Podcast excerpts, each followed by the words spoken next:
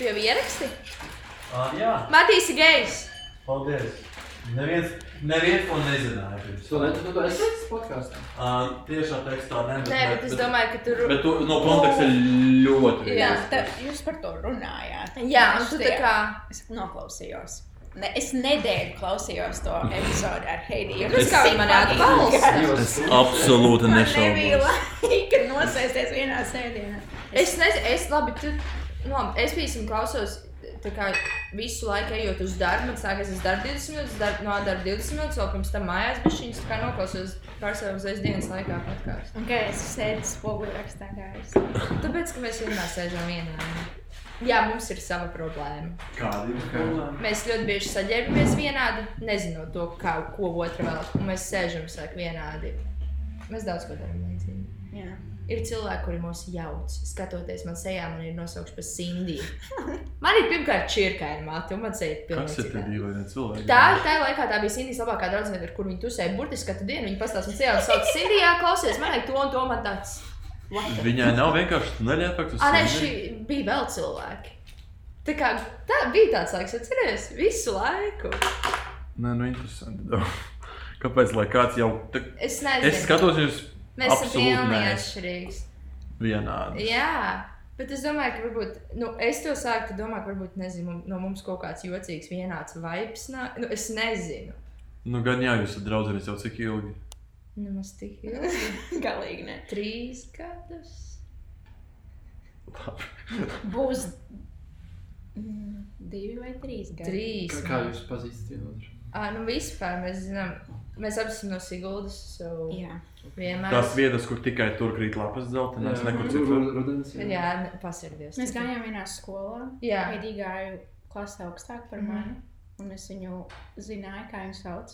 Un tad, kad viņi nāca, uz, kad man bija matemātikas stundas, viņi nāca pārrakstīt kontroldarbus vai rakstīt. Jo man bija divi matemātikā. Tikai. Es vienmēr skatījos Heidi un domāju, ak, mans dievs, viņa ir tik krūta.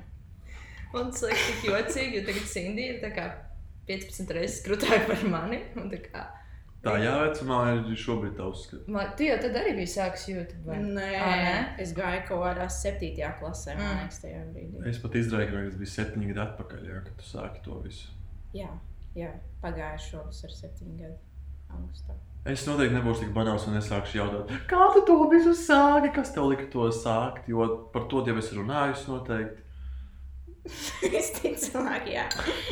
Viņa teica, lai māsai, ka tu uzrakstīji, ka, ka tu būsi, un viņa uzrakstīja veselu tā kā Viņa lai- uzrakstīja listu ar jautājumiem. Viņa tas ir šausmīgi forši.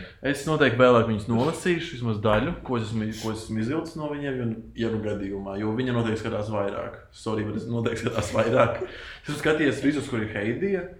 Vienkārši lai ieraiktu par viņu, kā viņa nemākā mums paldies. priekšā uzvesties. Nu, beidz. Tā jau nav. Es tiešām jokojos. Es nemāku jokoties. Nu, Tev jāpadīs, redzi, es tev teicu, ka Vis- jauka. vispār- Viens noteikums nedod viņai kas viņa tev iekodīs. Ta- Es bērnībā ar gludekli man bija tā līdzīga. Man teica, nelien pie gludekļa. Man teica, nelien pie gludekļa. Es pielīdu. Kopš tā laika es nelien pie gludekļa. Nu, redz. Nu, redz. Tagad, Jā. laikam, sapratīsiet, tev pasaka, tiešām nebāz pirkstus. Es tāpat, nā- es tāpat nokāpu nākamais to izdarīšu. Varbūt ne ar viņu, bet viņa. Tas tā darbojas. Es vienkārši nemāku. Es tā neiedomājos, ka viņi tiešām šitā. Jau. Tagad Ah, tagad, tagad, tagad esmu sliktais. Tev izbeidz. Nav kur pirkstus bāzt. Man uzvilkt cimdus. Nē, nedod viņai lūdzu savus pirkstus. Es neuzņemos atbildību. Nu, vai man dieviņ. Cik tev ir jau šis suns? Uh, viņai šo piekdienu paliek divi gadi, un es viņu adoptēju, kad viņai bija trīs mēneši. Ok. Kā tu izdomāji, ka tu vēl esi? Ja tas ir diezgan liels komitments. Es biju ļoti nelaimīga. es jutos ļoti vientuļa, un es biju ļoti sūdīgās attiecībās tajā brīdī. Un es jutos tik slikti, ka uh, es izdomāju, ka paņemt kucēnu varētu būt risinājums. Un pagaidām mums kopā iet ļoti labi. Tu to laiku jau dzīvo, dzīvo Rīgā vai Siguldā? Jā, tajā brīdī, kad es paņēmu rendu, es dzīvoju Rīgā. Um, es tajā brīdī dzīvoju kopā ar savu bijušo puisi. Un uh, Tad mēs izšķirāmies, un tad es eh, pirms pusotra gada pārvācos uz Siguldu, un vakardienas pārvācos atpakaļ uz Rīgu. Burtiski vakar. jā. Burtiski vakardien. Skaisti. Nebija grūti atrast dzīvokli. Um, sākumā, kad es sāku meklēt, kur dzīvot un kā dzīvot, es nedomāju, ka es viņu ņemšu līdzi. Mhm. Un tad, kad tika atrasts labs variants, tad uh, vienkārši tika tas sarunāts ar nama īpašnieku, pārvaldnieku. Viņa un ienīsta. Jau beigas, reāli mēs esam nogalināti. Viņa pilnīgi dedzina man pieredzi caurumu šobrīd. Wow. Viņa mīl. Jā, es nešaubos. Man, tā mani viņa bija- pirksti arī nešaubās par to absolūti. Beidzam savām ir vienāds rēts no viņas. So that's cool. Ā, Viņa arī jums kož. Tā kā viņa bija Viņa skrāpēja, skrāpēja ļoti. Viņai, es biju viņas spēļu objekts. Ok. Es vienkārši iegāju iekšā Cindy's dzīvoklī un viņa vienkārši burtiski metās man virsū. Bet kā spēlējoties, bet nu, es bieži gāju mājās ar asinīm. Nu, bieži vien suņi izrāda mīlestību ar košanu, ko tam līdzīgu. Savā starpā viņi arī kož viens Jā. otru. Tā ir parasti tā kā īpašniekiem. O, viņš pasaka, cik viņš ir mīļš. Viņš lauda vienkārši uz to, kas asnīs. Oi, būs viņš foršs. Jā, tā ir. Un stulbs jautājums. Es esmu, es esmu pieskatījis brāļus, un viņam ir taks, taksīts. Un uh, katru ir sūdu. Um, Kādas Pagaidām mēs esam nedaudz vairāk kā 24 stundas tā dzīvojam Rīgā, un viņi ir divas reizes pakāpjas. Un okay. viss ir bijis kārtībā okay. ar uh, kaku savākšanu. Man vien- vienmēr tas process līdz jocīgs. Tā kā stāja pagaidi, kamēr viņa izdara savas lietas. Es tam izvelcu maisiņu no kabatas un tad paņem viņu rokā. Un ja ir ziema, viņš ir silts. es sūdu, Nu. It kā jau vienmēr vajadzētu Tas sildīt rokas. Nē, nu. Tad tu pamani to vairāk. Bet man ir, tā, kad es uz Zumu kaut kad biju Rīgā, nu, sākumā viņa arī bija par Rīgu. Jā, atceros. Mostly. Un, uh, nu, es kaut kā bieži aizmirsu paņemt tos maisiņus, jā, bet viņi arī pasāja, ja viņi pakāpja pašķirēt. Tā laikā, pirmkārt, viņi to darīja vēl projām iekšā, jo viņi bija galīgi maziņa. Jā, es atceros. Atceries, es, mēs es atceros, kā tavs dzīvoklis pēc kulta mazliet Jā. smēķēja. Burtiski. Tāpēc, ka es tad tas bija no Zumas, tas nebija no tā. arī no, no abi arī. Jā. Saka, no cilvēks no laukiem. Nē, es nesaku, ka tas ir slikti, bet Nē, vienkārši. ne. es nebiju radis dzīvokli kulta savos. Jā, tas bija baisi. Tāpēc, ka labi, abi bija galīgi maziņi, bet viņi nebija ilgi. un Tad, kad man bija zuma, viņai bija, nu, viņa bija viņa ir tik traumēta, kad es viņu izvedu ārā. Nav neviena cilvēka, nekā nav. Viņa vienkārši varēja stundu sēdēt pļāvas vidū, vienkārši sēdēt. Un tā kā viņa nekustējās, man viņa bija jānes. Un tad viena tāda, kaut kāda kaimiņa tāda, man teica, zini, kā var iemācīt sunim ārā, kā kāda viņš rodas. Nu, tā.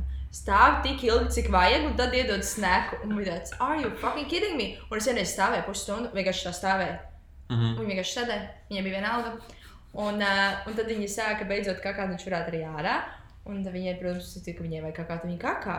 Un mēs bijām gandrīz, mēs gājām uz kaņepi. Un tur tā ģērbtrūdas iela bija tieši pusdienlaiks, kad cilvēki visi biznesmeņi iet pusdienās. Ā, nu jā. Un viņi padirs uz trotuāru, tā kā vidū.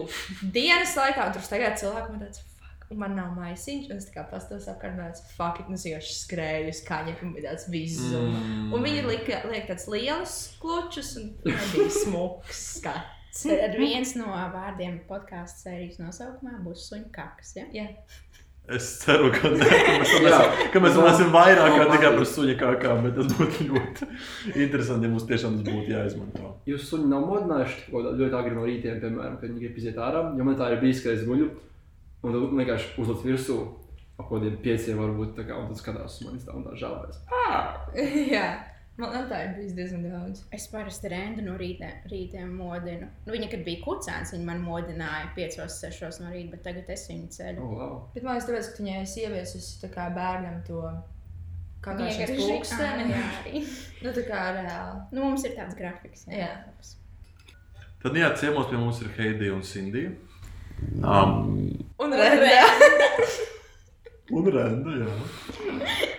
Kad saka vārdu Cindy, viņa reaģē uz to, vai, Nē, es nezinu, vai viņai vienkārši nepatīk, kas runāja? Nē, Vai man- man nepatika, ka tu nepateici, ka viņa arī šeit ir.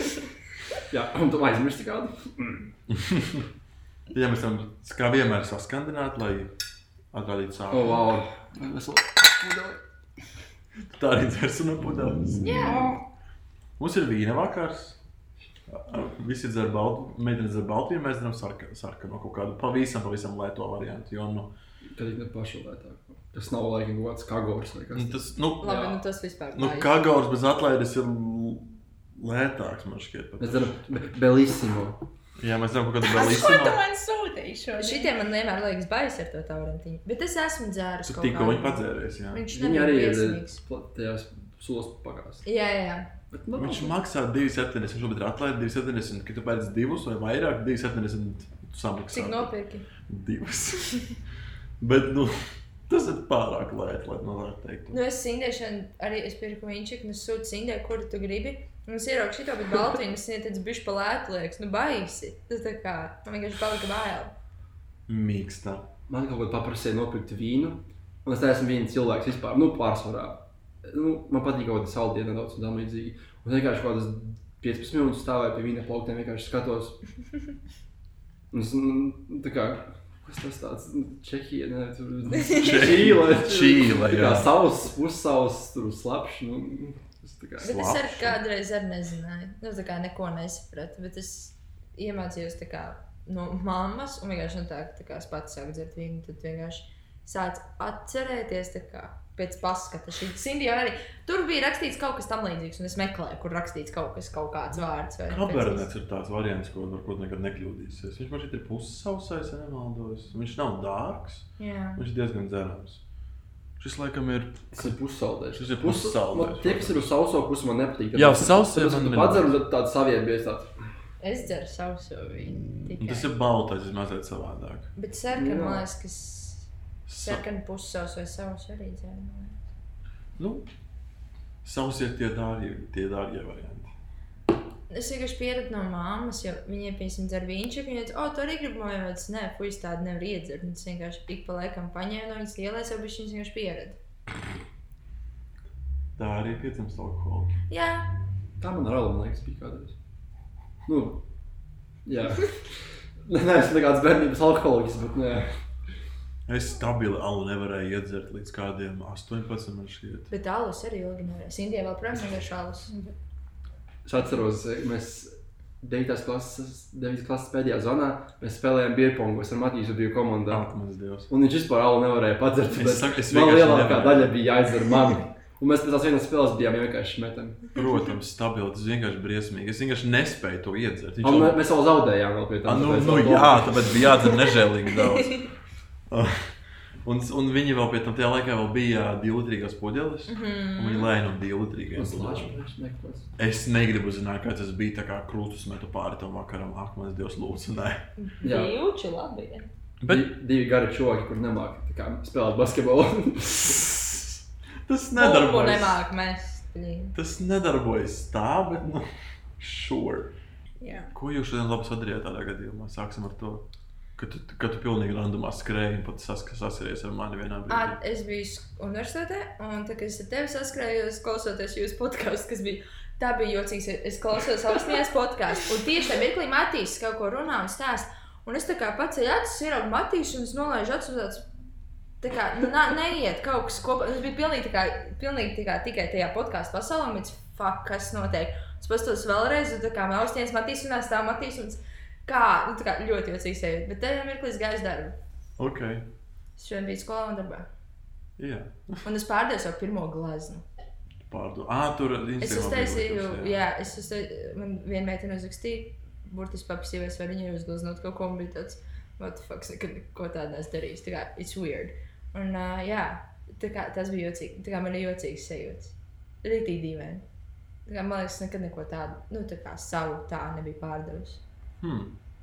Interesanti. Es esmu pārdevis savas fotogrāfijas tikai. Bet... Ā, nopietni? Jā, es esmu pārdevis. Vienā no dzīvokļiem, kaut kur tālāk uz Latvijas ielas stāv pie sienas mana fotografija ar līdzīgu šai ar krēslu, bet mazliet savādāk. No tās Jā. sērijas, ja tumšs varbūt neredzēs. Sorry. Ah, Un uzreiz galvā pēc pār, pārdevis savas fotogrāfijas, uzreiz OnlyFans ielicis galvā. ah, wow. Nu. Matīs par to vēlāk pastāstīt.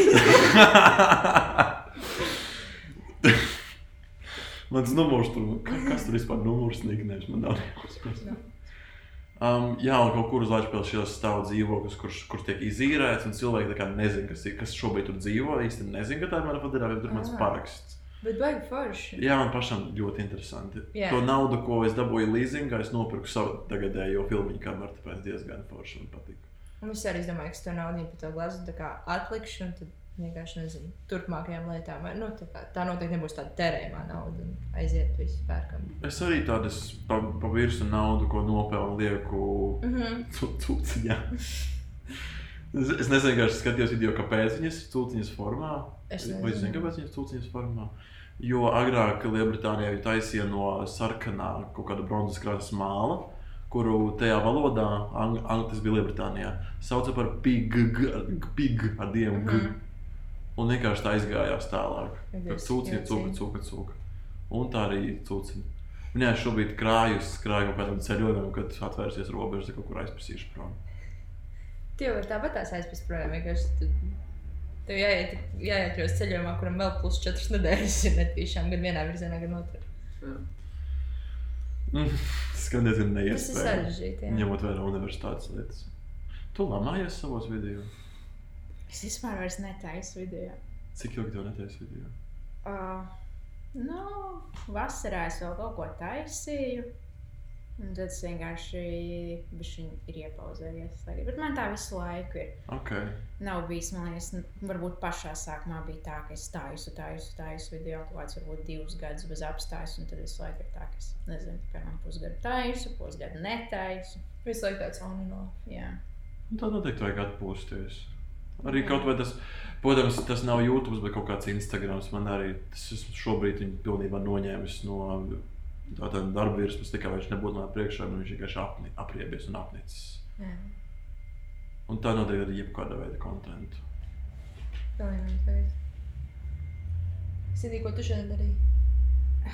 Ļoti garlaicīgi neko. Ko es šodien darīju? Es pamodos savā jaunajā dzīvoklī pirmo, pirmo rītu. Um, es reāli neko nedarīju. Nav ko pastāstīt. Es tev tiešām gribēju prasīt, kur tad dzīvo, saprotu, ka nē, es- es- Ā, nē, ne- tas nejau- tev nejau- tomēr nejaukiet fani noteikti sāks ar akmentiņu slogos. Kā tu izdomā uz Rīgu pārvākties?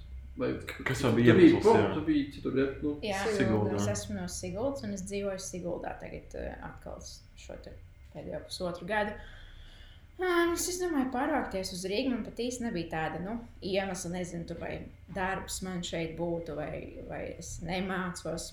Nu, nekas tāds, bet vienkārši palika ļoti garlaicīgi un bēdīgi un skumji tur. Man reāli Siguldā nav neviena drauga. Neskaties man acīs.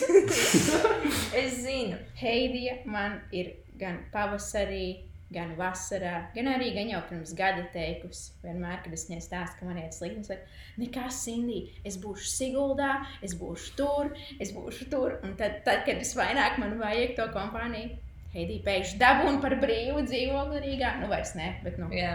ā, Es atceros tos laikus. Jā. Nu, jā, Heidija aizvācās projām pirms dažiem mēnešiem. Um, vienīgais, vienīgā draudzene, reāli, kas man ir Siguldā, ir Sindija.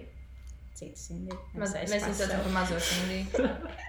Mm. Um, Pats sev arī. Draudzene. es? Mhm. Jā. Uh, nu jā, nu man nav ko, ko Siguldā darīt. Un man tur ir skumji un bēdīgi, labi, interesanti. Nu, ko, ko šobrīd nav īsti ko darīt arī Rīgā. Viss ir aizvērts ciet. Bet, uh, Vismaz Heidra blakus. jā. Jā, mēs dzīvojam desmit minūšu gājienā tālu no Ah, ok. Tomēr tā nenojaus. Arī to gan tu nedzēri. Oh, wow. Nu, stabili sāks vēl dziedāt. par labāko skaitu. Bet arī iepriekš, kad mēs, uh, nu, ka iepriekš Sindija dzīvoja Rīgā, mēs arī dzīvojam rīktīgi tuvu vienotrai. Pārdagā? Uh -huh. Jā. Es slēgšu šurp tur otras. Siguldā gan mēs dzīvojam katru savā Siguldas galā. Burtiski Jā. Pusotras stundas gājienā tālu no. Un Siguldā nav tāds sabiedriskais vai, vai Jā. taksis, ar ko, tu nezinu, piemēram, ziemā varētu. Nu, Jā. ja, ja ir vasara, jau var ar riteni. Jā, braukt, tad ir ok. Viss kārtībā. Sigulda ir tik liela vispār, vai jūs tiešām uz robežu, uz robežu? Jā, es dzīvoju vienā robežā, un. Sindija otrā robežā. Mums tā kā starpā ir kaut kādi 6 km, es teiktu.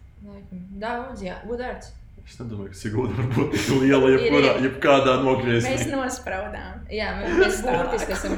Tā kā, jo man, mana sēta beidzas, un pāris metri ir robeža. Ah, wow! Un Sindija var teikt, pilnīgs, nu, ļoti- 300-400 metri Jā. līdz Siguldas Bet robežai. Tu Heidis tuvāk Rīgai, vai ne? Nē, Sindija ir tuvāk Rīgai. Ah, fuj. Nu labi. Tas kaut ko sajauc. Kaut kā man tā likās visu laiku. Nu, ar tevu, tavu māju, bet nu labi. Man māja ir uz Aha, es burtiski tā kā vienkārši, ah, Dievs, tas, tas tiešām ir baisi. Bet mums jau tas pats bija laukos.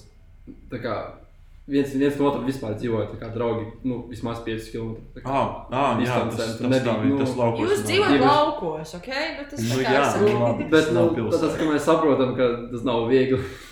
Jā, ka visu laiku savākties, vajag mašīnu kādam Ah, nu, jā, bez mašīnas aizībām nekur. Tur. Man vēl Ko jūs darījāt, ka jūs nebijat pilngadīgi? Kā jau gājāt?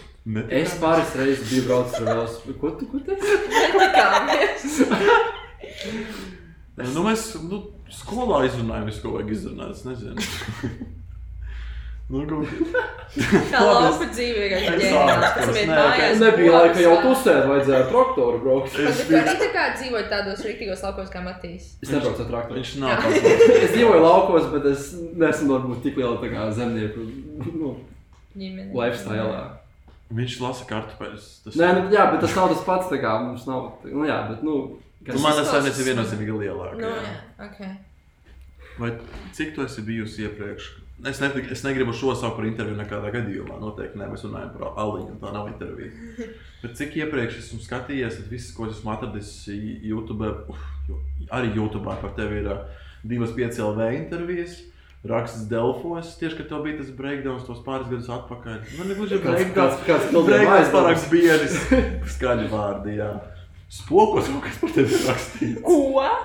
Spokos ir Tur man ļoti. nav bijis nekāda. Desmit Ļoti- fakti, ko tu nezini par sevi. Aptuveni tā arī ir. Burtiski tādā formā vienkārši bildītas ar viņu. Un ka pirmais video tika izlikts tāds, tur tas un šitas un tā un tādā. Viņas mīļākais teiciens, kaut kas tam līdzīgs tur bija. Nekā viņas mīļākais, uh, nevis teiciens, bet kā viņi iesāka savu video, ka čau. Tur viņam vienkārši bija mans uh, kāds YouTube video. Jā, maksimāli, random fakti vienkārši par tevi. Uh, nu, pēdējo reizi, kad es biju pie Edgars podkāstu, tas bija šī gada sākumā. Es biju Grieķijā, man liekas, vēl. Ah, tad varbūt tas bija pirms gada. Man liekas, kas bija vēl Grieķijā. Jā. Arī varbūt tik, tikko atbraukusi. Tā kā tas ir ziemā. Nu jā. intervija, jā. Pagājušajā ziemā es biju uz uh, uh, vienu citu podkāstu. Un pirms tā podkāsta, kas bija iespējams pirms gada, man Mhm. liekas, es nebiju piekritusi publiski piedalīties nekādā pasākumā, ne intervijā. Es atteicos no, visā, no jebkāda veida pasākumiem un publikācijām, kas nebija uh, manā, manā varā, kā lai to pasaku. Nu, ka, piemēram, Tas nebija profilam. nevari pie, Nu, pieskatīt, kas notiek. Jā, un kāds es kontents. biju, nu, es atteicos no tādām lietām kaut kādus, man liekas, divus gadus vismaz. Jā, bija, es nezinu, kāpēc tā izdomāju, kāpēc tā jūtos un kāpēc es tik ļoti ilgi iesēdos tajā, ka es nekur negribu iet, es nekur negribu runāt, kas nav mani profili.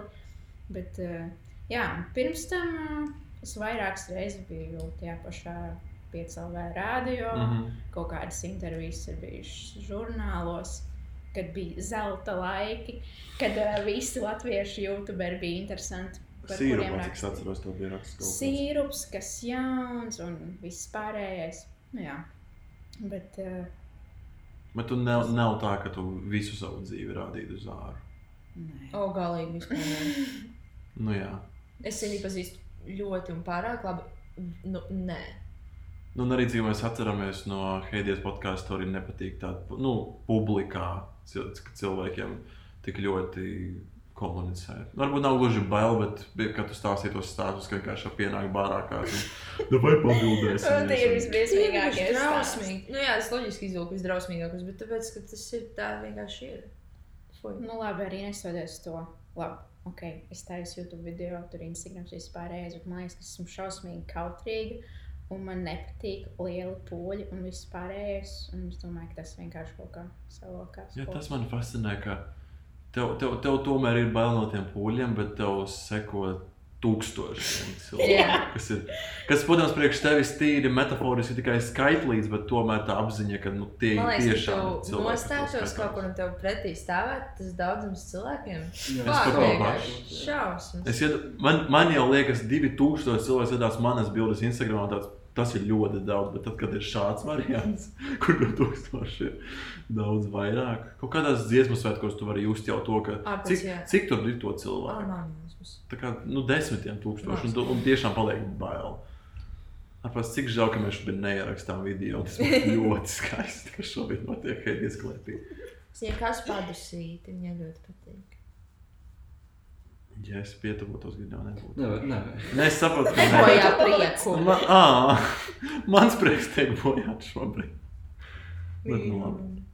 Bet jā, tev ir bijuši tā, ka tevi atpazīst tā baigi bieži uz ielas, piemēram, vai kā. Nu, Ja tu nestaigāji maskā pirms Covid, Vajadzēja dažreiz. man. Bet es ļoti priecājos par to, ka gandrīz visur ir obligāti jāiet ar sejas masku. Es ļoti to izbaudu.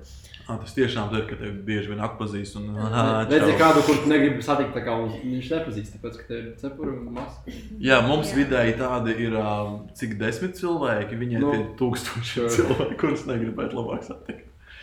Wow. Bieži atpazīst uz ielas? Es teiktu, es vienkārši bieži nezinu uz ielas. Es nezinu. Nu, labi, šī tā spēle, nu, kopš vakardienas, katru reizi, kad es eju ar rendu, pastaigā, es saprotu, man ir kapuce, cepura, šāla, man vienkārši var redzēt tikai acis.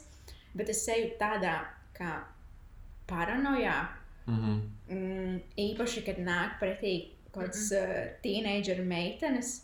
Ā, tu vienkārši jau uzreiz tāds, viņas Man- var mani zināt, viņas var mani zināt. I- Nu, nē, Man tā ir kaut kāda ziņā trauma, jo situācijām. arī, un zin kā man liekas, ka tajā vecumā uh, cilvēki, gatavais, nu, es būtu random cilvēks.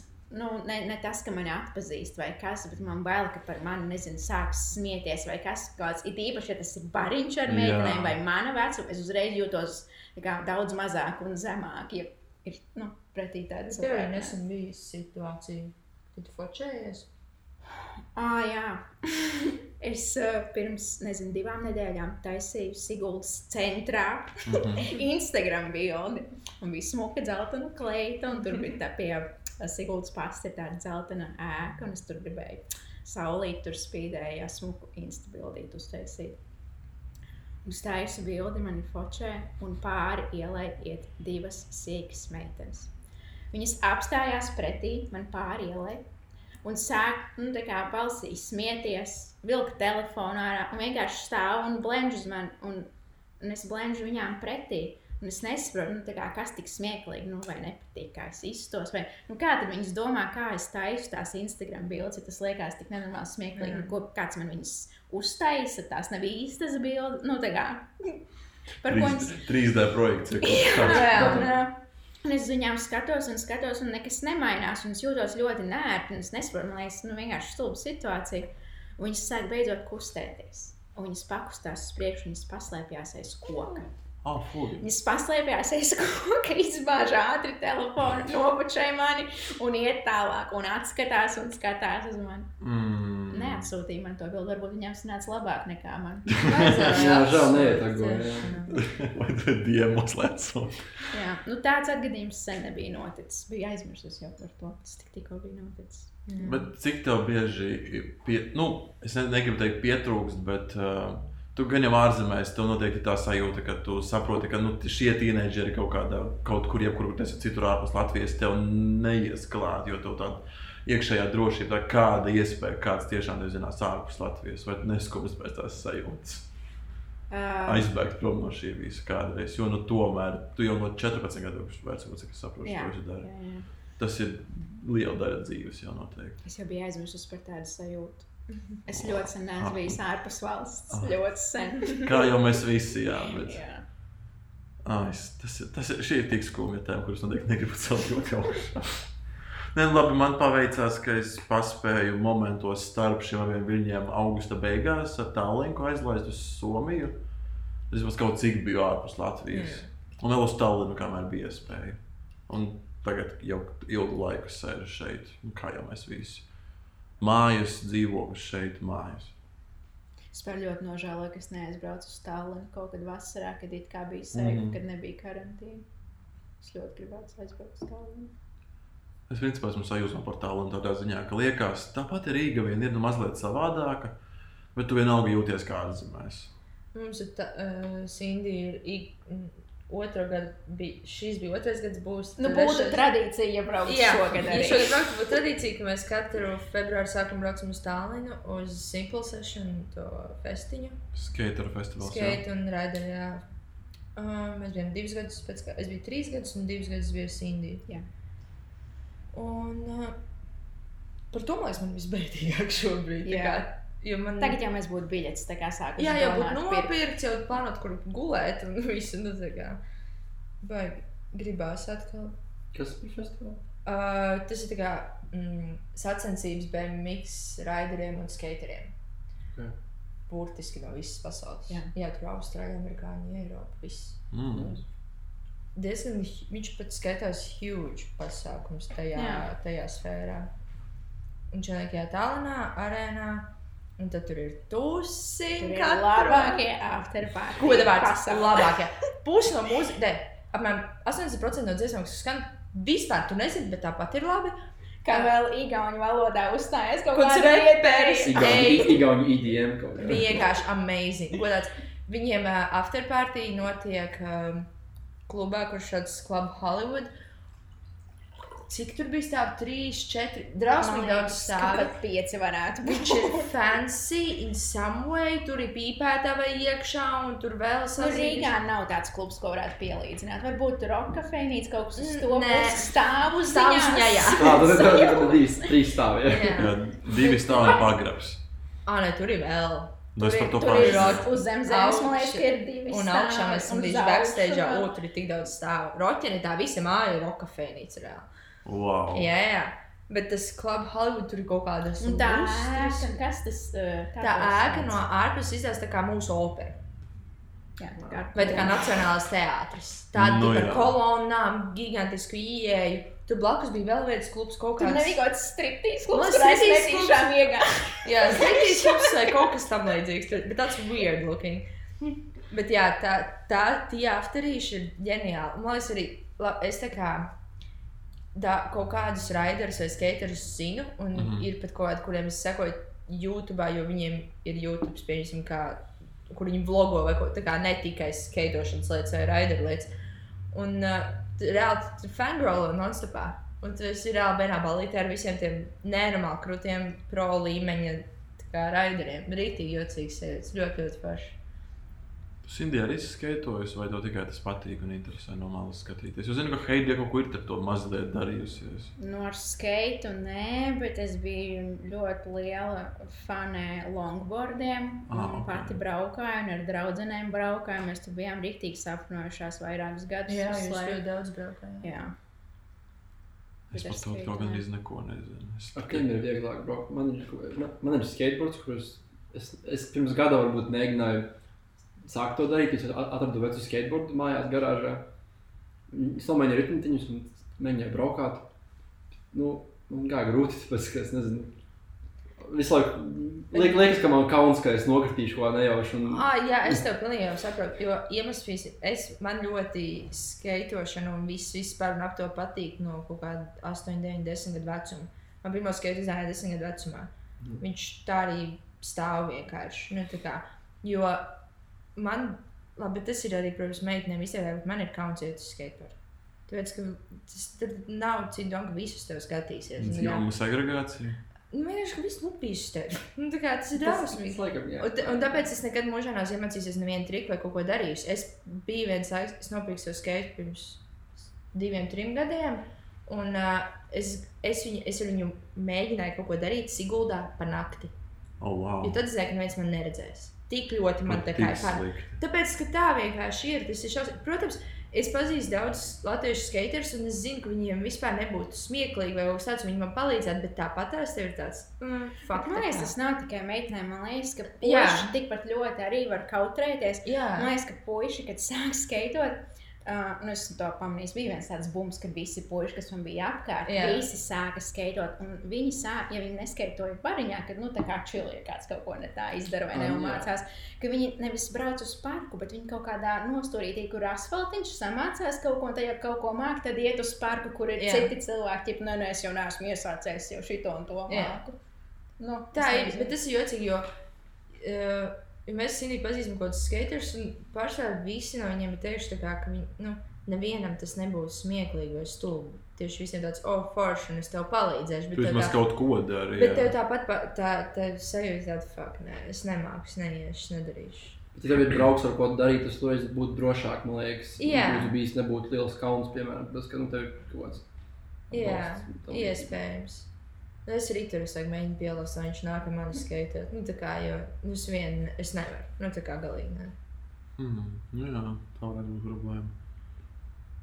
Man nekad īpaši nav nekas bijis tāds, lai man būtu vēl uz ielas. iziet. Nu, varbūt vienīgais, kad man mazliet ir kauns, kad es izdomāju, es tagad būšu ielu fotogrāfs. Tāds, ah, šis būtu tik skaists Tā moments, ir no Man tā ļoti bieži ir īpaši filmiņi un uh, fotografēt uh, svētdienas bombžus vai vecus cilvēkus. Labdāt, bet es nevaru. Nu, bet tēlo, ka tu esi turists. Bet tāpat tā. Es I'm sorry, you homeless. Smile, bitch. It kā jau tas tā darbotos. Ja es atceros, man, man, man tas sanāca, kad um, es biju Portugālē. Mums bija Erasmus projekts, kur Tev bija ļoti skaists bildes no turienes. Paldies. Kur mums tieši bija jāpadrapē kultūra, un kas ir labāks kultūras pierādījums, attēlojums kā pats cilvēks. Un es tiešām gāju savā lauzītajā angļu valodā, kaut ko mēģināju tādu ar zīmju valodu. Jo daudz arī nezinu, vecāki cilvēki to angļu valodu nemaz tur. Mēs bijām ziemeļos, un pat cilvēki zina franču valodu labāk nekā angļu valodu. Nu, agrāk franču valoda bija tagadēji angļu valoda, visi viņi zināja. Un es tādu ceļu ar zīmēm rādu, ka uz kameru padaudz, pa kameru parādu uz viņu, vai es drīkstu, un tad es prasu, un viņi atbild jā vai nē, un tikai tādā es ar atļaujām, visu šito. Nebija tā, ka es sēžu krūmā un hei, nobildēšu, nē, tā noteikti nebija. Bet iela fotografija ir lieta, ko es vienmēr gribēju saņemties un izdarīt. Tā tos vēl neesmu spējis. Nu, vismaz Rīgā. Jā, nu ar to ir jāsāk tur tā sāp. Bet arī nesen pieņēma, cik divus gadus atpakaļ pieņēma to regulu, ka tu vairs nevari filmēt pašai uz ielām cilvēku. Jā. Publiskā tā visa padarīšana. Jā, tas ir vienkārši fuj. Nu, bet, nu, tu zini, ka tu tevi uz ielas. Visur ir video novērošanas kameras. Ar ko tas atšķirās?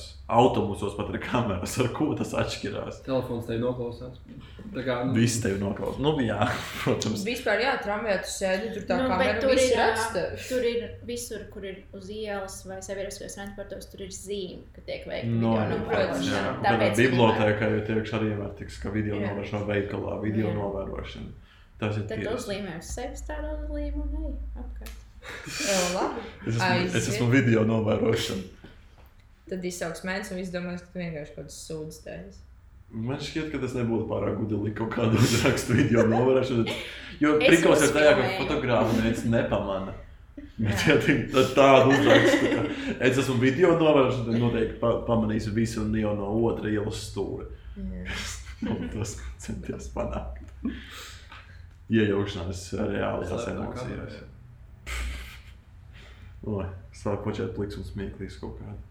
Jūs skatījāties bērnībā tos sūdus vai nē? Kāds? Vakaros pa TV sēžu gāja pliks un smieklīgs.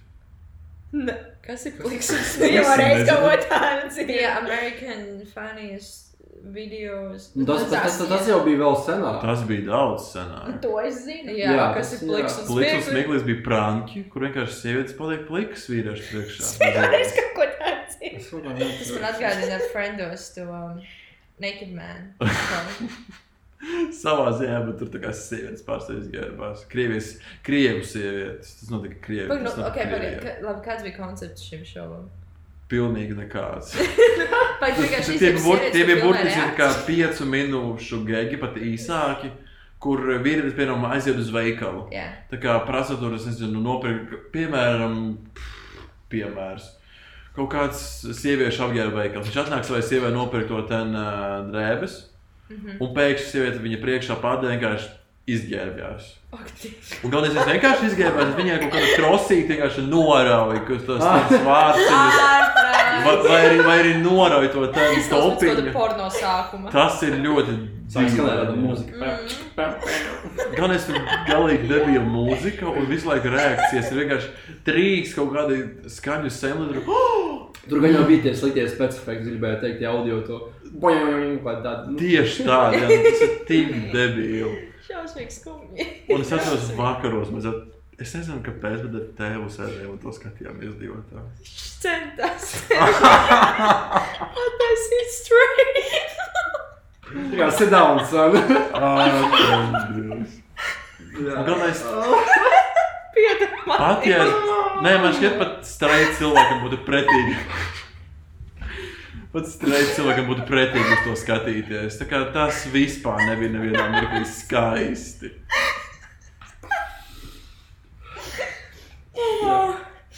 Matīs, mēs mums kopā stand-up jātais. Tu stāsti storijas. es, vienkārši, es vienkārši sēdēšu klusumā. Un vienkārši teiks, Matīs, gejs, un viss sāks rēkt. Nē, tu sāks rēkt, un visi rēks tev tādu. Tā kā turpinās rēkt uz tevi. Ai, Dievs, skaisti. Pat Berlīnes video to bija tāds, ah, jā, šis būs ļoti smieklīgi. Atkārtot 30 reizes vienu to pašu. Es joku." Berlīnē uztaisīju tipu logu. Katrs mans kadrs sākās ar Matīs Gejs. Tā kā nevis, nevis labdien, darbie klausītāji, skatītāji, vai jebkā savādāk. Nē, man ir gejs, labdien. Bet nav jau tā, ka tu baigi slēpt to faktu. Tas nav. Tā kā tādā ziņā, ka tu to pasaki cilvēkiem pats pa pārsvarā pirmais. Nē, bet es jau esmu izdomājis, ka Matīs precēsies. Cerams, ka tas fucking notiks. Tad uh, es uztaisīšu kāzās video rulīti, kur visur, kur es saku Matīs Gejs. Tas būtu skaisti. Un, Un Matīs un man mans, un mans līgumainis nebūs. Jā. Nē, bet es tāpēc, ka tas ir tavā, tavs draugs. Es taču saprotu. Bet es varu arī viņam atsevišķi uztaisīt. Nav problēma. Kur tavi vlogi, blogerīti? Tev ir trīs video tavā YouTube Gan kanālā. jau. Un cik tev sekotāji? Ak, tas mēs tiešām sāksim par skaitļiem runāt. Ko kad es pār... Nu, nē, es tā kā domāju, nu, es noreklamēju viņu, lai es teicu, Nu, ka Heidija jā. piespēja Heidijai. Nu. Es nezinu, Cik man tur ir subscriberi. Nav, tiešām nav ne jausmas. Bet tev tie video bija tiešām jauki. Man ļoti. Man ir, es esmu uzfilmējis savu dzimšanas dienu, es mēģināšu viņu tā kā samontēt, bet es nezinu, vai tur kaut kas iedzīgs būs. Man ir 389 subscriberi. Viņam ir 400. Tev ir lielisks sākums. Es tādu skaitli noteikti sasniedzu kādu divu gadu laikā. Domā? Nevar būt. Nu, šo esmu vienkārši iekalusi sev galvā. Pirmos simts subscriberus es sasniedzu deviņus mēnešus pēc savu pirmā video publicēšanas. Tas notika ļoti lēni, un pēc tam tas notika ļoti ātri. Bija kaut kāds konkrēts video, pēc kur tas notika, vai Nē, nu, tas, tas sākums, es jau visu laiku taisīju video. Tas nebija Jā, tā, ka viens video, es gandrīz, nu, tā kā reizi nedēļā, liekas, liku Oh, video. wow. Un uh, vienkārši nebija to skatītāju, kas man sākumā skatījās manas video. Draugiem, .CLV, šo te kā to dienas grāmatu sadaļā es liku Wow. savus video, un tur tie mani draugi, kas bija draugos, nostājās savus video. Es skatījos Indijas video no paša sākuma. Es redzēju pilnībā visus Indijas Tas video. ir no- OG fans. Jā. Es godāju, un es tā kā ar Sindiju pat nesveicinājos un nerunāju. Es par to pašu tā kā draudzenēs esmu tik it kā īsu brīdi, bet tā kā video jau no paša pirmā. Es visus skatījos. skatījos, un es biju tas cilvēks, kurš tiešām nekad neheitoja Sindiju un nesmējos. man- mēs nekad dzīvē nebijām runājuši līdz es uh, ievācos uh, jūsu mājā, aizbēgot no savām mājām. Jā, mēs sadraudzējāmies, un Sindija ievācās manā mājā, manā dzīvoklī. Okay. Skolā nebija sarežģīti. Tādā ziņā, ka nu, tu tos video tomēr lietas, ka, ja jau Heidija par viņiem zināja, gan jau arī pārējie skolā par to zināja. Protams, ka zināju. Nu, bija tā, ka es sāku likt tos video, kad es mācījos 8. klasē, senāk, Okay. uh, Siguldā. Aha. Un uh, tad uh, viss bija kārtībā. Es pēc 9. klases aizgāju uz Rīgā mācīties. Zinu, kā visi tie paši cilvēki, kas man ir zinājuši, nezinu, no bērnu dārza vecuma, nu, vien, viņiem tā kā vienalga, viņi man zina jau sen. Bet tad, kad es aizgāju uz Rīgu, uh, kad iestājās, uh, nu, sāk mācīties RDMV, man liekas, pirmajā kursā. Es vienmēr esmu tevi sveicinājis. Tik daudz mēs runājām. Nu, tas nebija no paša sākuma, man liekas. Mm. Jā, var, es nezinu. Mēs tev vēl kaut kādā atceros skolā. Tas taču nebija pirmais gads, man liekas. Es neatceros. Tu man, un tad, mēs, tad mēs vienotrē nesām nomierinošās ripas dažreiz. Tas bija vēl vēlāk. Neskrien zini. priekš. Tad Es mācīties neatceros. RDMV. Pirmā nedēļa ir uh, plenērs. Nē, kas ir pirmā? Nu, tu ne, nemācies uz muzejiem Uz muzejiem, muzeja nedēļa. Un ir muzeja nedēļa, nezinu, kura pirmā, otrā skolas diena. Un ir jābūt brīvdabas muzejā. Un es esmu nokavējusies, esmu tikko pārvākusies uz Rīgu 16 gados. Uh, es aizbraucu uz to brīvdabas muzeju, kurā es nekad mūžā neesmu iepriekš bijusi. Un es jau bez mazliet raudu. Es meklēju, kur es varu atrast kādu skolotāju numuru, piezvanīt, saprast, kur ir mans kurs, kur man ir jābūt. Un es esmu tādā stresā, jau nu, viss ir slikti. Un iet kaut kā no cita uh, kursa, arī pirmā kursa nogājās Sindīlo. Un es vienkārši viss tur man bija punkts, man liekas, tajā dienā. Man liekas, ka es pat neaizgāju, es nesameklēju savu kursu tajā dienā. Man liekas, vienkārši aizgāju projām. Piezvanīju mammai, izstāstīju to visu, un es raudādām aizbraucu mājās. Nākamajā dienā es saņēmos un es aizgāju tur, kur vajag, un pareizajā laikā uz muzeju. Tas bija mans sākums mācīties Rīgā. Uh, ar kursa biedriem es kaut kā, man liekas, pirmos divus mēnešus ar nevienu nerunāju. Un neviens nerunāja ar mani, jo viss, man liekas, no manis baidījās. Pēc tam jau mēs visi sadraudzējāmies. Uh, un tad, ap otro gadu mācoties Rīgā, man sākās problēmas ar skolotājiem. Uh, to jau es esmu savā video, man liekas, stāstījis. Jā. Tā nebūs jauna informācija, bet uh, nu, jā, piemēram, es neierodos skolā kādu dienu, un skolotāji pārējiem maniem kursabiedriem pasaka, nu, kur tad mūsu slavenība Ak, un tādas lietas. Ok, tas skan Tur ļoti bija Ne. Viens izteikts skolotājs, kuram bija ļoti liels problēmas ar to, ka Sindītājs video. piemēram. Nu, tur bija tādi trīs tādi man Nu, bija jā, problemātiski. Jā. Tagad Visi ir pieauguši cilvēki. Tas Kas? bieži atkārtojas, ka viņš šādi burtiski dirsās. Jā, bija. Nu, viens no skolotājiem man nekad nelika augstāku atzīmi par pieci. Lai arī kādu darbu uztaisīju, pieci bija mana augstākā atzīme, ko es varēju iegūt. Tad bija skolotāji, ar kuriem mums visiem bija problēmas. Viņa beigās atteicās no mūsu kursa, bet tā bija skolotāja, kuras stundu laikā es gāju uz toaletu un raudāju. Kas tā bija par stundu? Zīmēšanas skolotāja. Nu, es zīmēšu laikā vienkārši eju raudāt. Jā. Ne jau tāpēc, ka es ne, ne jau tāpēc, pasniedzēju slikti, bet vienkārši man nesanāk zīmēt. Jā, tas ir kādiem tur bija briesmīgi. Nu, tur tā pišķiņa pagadījās. Jā.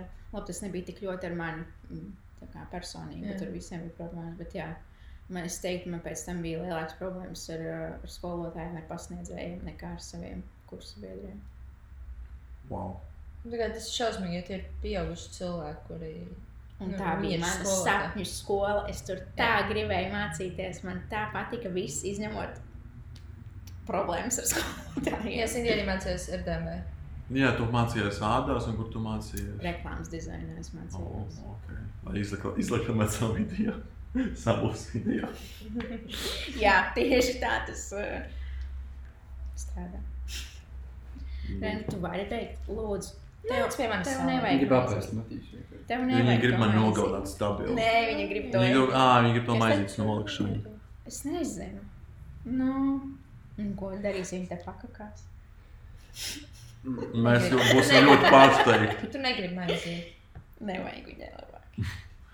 Um, par reklāmu runājot, cik sarežģīti ir.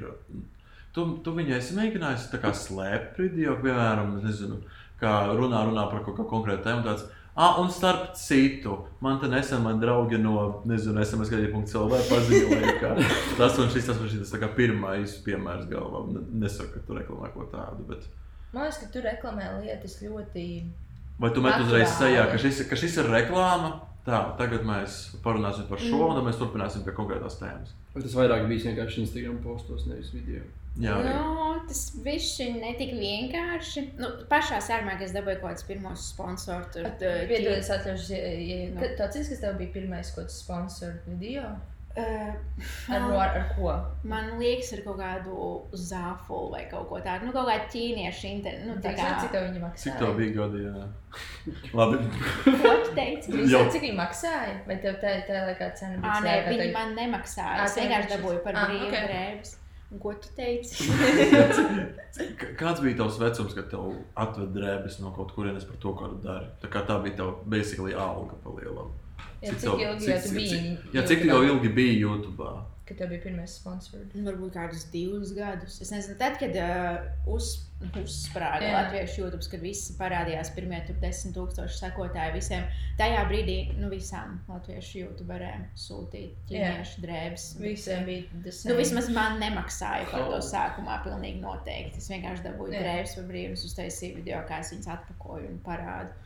Um, tad man liekas, ka varbūt es sākumā neteicu, ka tā ir reklāma. Mm, Bet man liekas, ka vai nu es beidzot painteresējos par uh, likumiem un noteikumiem, vai arī kaut kādas, uh, kaut kādas izmaiņas notika.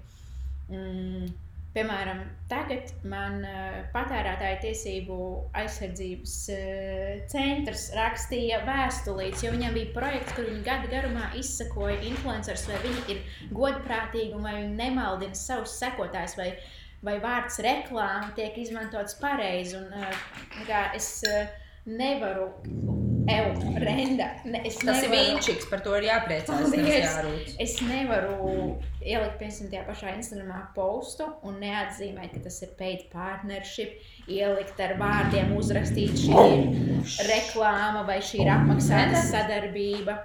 Mhm. Uh, Tas, tas, es vienkārši tā nedrīkstu darīt. Es varu dabūt sodu par to, ja es nepasaku, ka tā ir reklāma. Bet uh, šī, kā sauc to lietu? Kas- PTAC. Nu, tas pats viņi, es atvainojos, lohi, viņi piekasās pat par, nu, tā kā par jebko. Par nepareizi izmantotu. Jā. Viņi man rakstīja vēstuli. Sākumā viņi man rakstīja Instagram, pēc tam viņi uh, man rakstīja, man nu, uz māju pastāstināts vēstuli, mm. -hmm. kur bija par screenshoti ar diviem maniem postiem, ka esmu pielikusi hashtag reklāmu vai hashtag sadarbība. Bet es neesmu ar vārdiem uzrakstījis, ka, piemēram, šī ir tur, uh, sadarbība ar to SMS kredītu. Ja? Nu, kā Tur uh, es nebiju pateikusi ar vārdiem. Viņi domā, ka visi patērētāji ir idioti. Un, uh, nu, man neliekas, ka man sekotāji ir idioti, vai ka vispār cilvēki, nezinu, jaunieši, ne jaunieši, nesaprot. Nu, ka, nu, tur redz, ka tā ir reklāma. Kāpēc, kāpēc man ir jāraksta vēl? Nevis tikai sadarbība, es nevaru. Tas nav atļauts. Man būs sots jāmaksā, ja es neuzrakstu skaidri, ka tā ir apmaksāta reklāma. Bet jūs zināt, tas ir cilvēki, kur tiešām sēž un čeko katru tavs influenceru. darbs ir iet cauri Instagram. Gada garumā viņiem bija tāds projekts. Un es biju viens no tiem cilvēkiem, kas bija viņu redzeslokā, ko viņi skatījās visu laiku. Viņu Instagram profils nobloķēja pēc pirmajām vēstulēm. Bet turpināja, nezinu, varbūt izlogojās un tad skatījās. Nu, no datora tur bija screenshot. Tas ir sviests. Wow. Bet tā bija problēma arī tev, vai arī bija citiem tāds Bija arī problēmas? citiem nesen kaut kas vēl bija ielicis. Es baigi daudz influenceriem nesakoju. Kaut ko, nezinu. vēl kaut ko es biju redzējis par šādu. Tas ir tāds ļoti target lieta, tā kā, kā kuram, piemēram, kaut kādam rojam. Nu, Viņiem, man liekas, noteikti bija izvēlējušies kaut kādus jā. cilvēkiem, ko viņi grib. uh, Ne tā jau visus, bet viņi paņem kaut kādus pāris, un tad mēs šos mēs tagad čekojam. Mhm. Jo Instagramā taču ir taču virs postiem pat tas speciālais, jā, Jā. veidu Un partnership. tur ir tā nākamā problēma. Uh, piemēram, man bija viens sadarbības partneris, un es zvanu uz aģentūru. Tam pārstāvjam, kas ar mani sazvanās, un es viņam desmit minūtes pa telefonu stāstu, kā viņi no sava profila var akceptēt to, lai es varu uz, nu, ietegot Mm. to Jā, jo tu nevari partnership. Jo tu vienkārši- nevari Jā, tam profilam ir jāapstiprina, ka tu ietego viņu.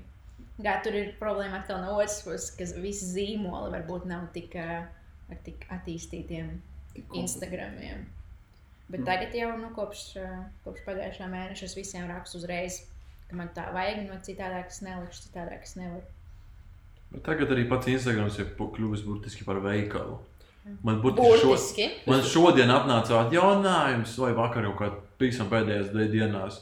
Un to apakšējā slēgā vairs pat nav tā kā t- liked un uh, discover. Tagad ir vienkārši veikals un reels. Es, es, šo, es neesmu apgādājis, es dzirdēju par šo. Man liekas, man es negribu to darīt. Uh, tas bija, man tas notika automātiski, nemaz nepamanīju, kad es sāku raudāt. Es spiežu uz saviem laikotājiem un fucking veikals, man tas nav nauda, nu ko man tagad darīt?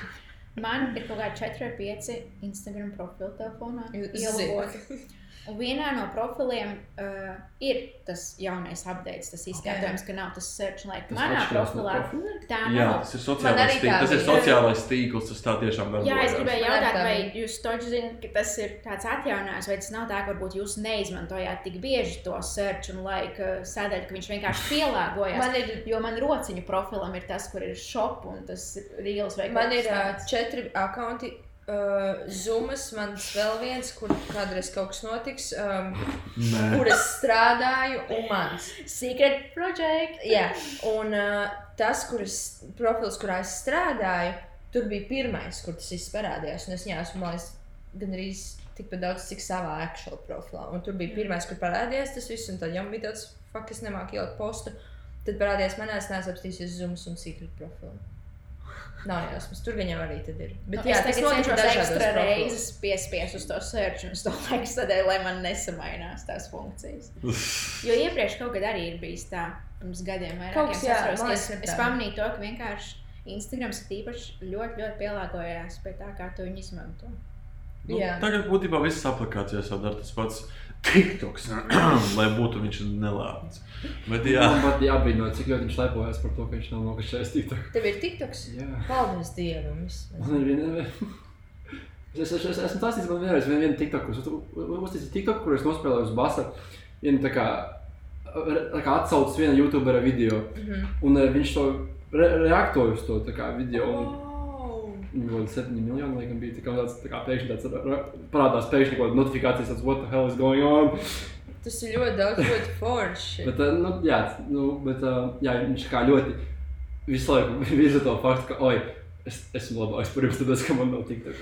Viņš grib secretly TikTok, to es zinu. Stabili. Nē. Pat, pat, labi, labi, varbūt es tiešām viņu gribu, bet es negribu lai, paņemt laiku vienā kaudzītā, ja, iemest podā un tā skaisti noskalot. Paldies! Jā, tas ir. man bija ļoti līdzīga nostāja tev, bet es ielādēju TikToku. Man viņš bija 3-4 mēnešus. Viss viņš tagad jau, man liekas, Tev nav, pusgadu vairs nav man telefonā. Vienkārši apnika tev viņš atgādāja. Man jau no paša sākuma neinteresēja, es ielādēju, bija šī dabūja to hype, kad man kaut kāda TikTokā izgāja. Un visu man apnika, man likās šausmīgi nezinu. Man gan patīk. Man Bet tagad man patīk. visi saka, un arī man liekas, tu to saki, tā kā te, ka tu palieto ilgāku Jā, laiku, tur tev tas feeds tur pielāgojās, Jā. un ir krūti TikTok. Man ir ļoti Tur jau interesanti. Tad tev ir sāp. 6 stundas screen time ar TikTok. Es strādāju! Um, bet, bet zināms, man liekas, interesanti, kā, kad es lieku TikTokus, man ir ar tevi divi, trīs, trīs TikTok, man liekas, kur ir Sinda. Pats pirmais TikToks ir ar Sindiju. Uh, tad bija tas, kur tu dejoji. Uz tā mēs vienam pastaigāties, un tur uz uh, mednieku turnīšu dejoji. Tu to ieliki? Nu, taču jā. Nē, atceros. Nē, nu, nezinu. Un um, tad ir viens TikToks, kas bija tīpa TikTok vlog type, kur mēs vienkārši ejam uz mūsu veco skolu. TikTok, kur ir ietegota Sindija, viņiem ir visvairāk skatījumu, Nu, algoritmi. bet es tāpat nesaprotu. Nu, Kāpēc? visos, tu Visos kas- ietegojas mani aprakstā. Jā. Viņam visi, kas man seko, Viņiem uzreiz iemetās. Nu, Es tā. tev visu laiku, vienalga. Tu esi tur, nē. Bet viņiem tāpat ir ā, vairāk skatījumu nekā man bija sekotāji. TikTokā man nemaz tik daudz nebija. Jā. Nezinu. Interesanti. Jocīgi, tīpaši tā jocīgs, tāpat es vēl nesaprotu. Tu man skaidroji, tāpat nesaprotu. tā. Nu, algoritmi vienkārši tev pielāgojas. Tu nav baigi ko Nu, skaidrot. jā, bet kaut kā jocīgi. Un viņš un ir tā filozofija, ka viņš rāda tas, ko tev tiešām patīk skatīties.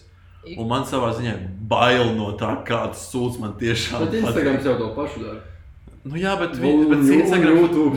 bet Instagrams Bet to dara tik variantā. ļoti. Es Jā, bet tā, bet tā ir. jā. Es ieju Discovery, man burtiski rāda filmu bildes un mašīnas. Viss, ko man rāda.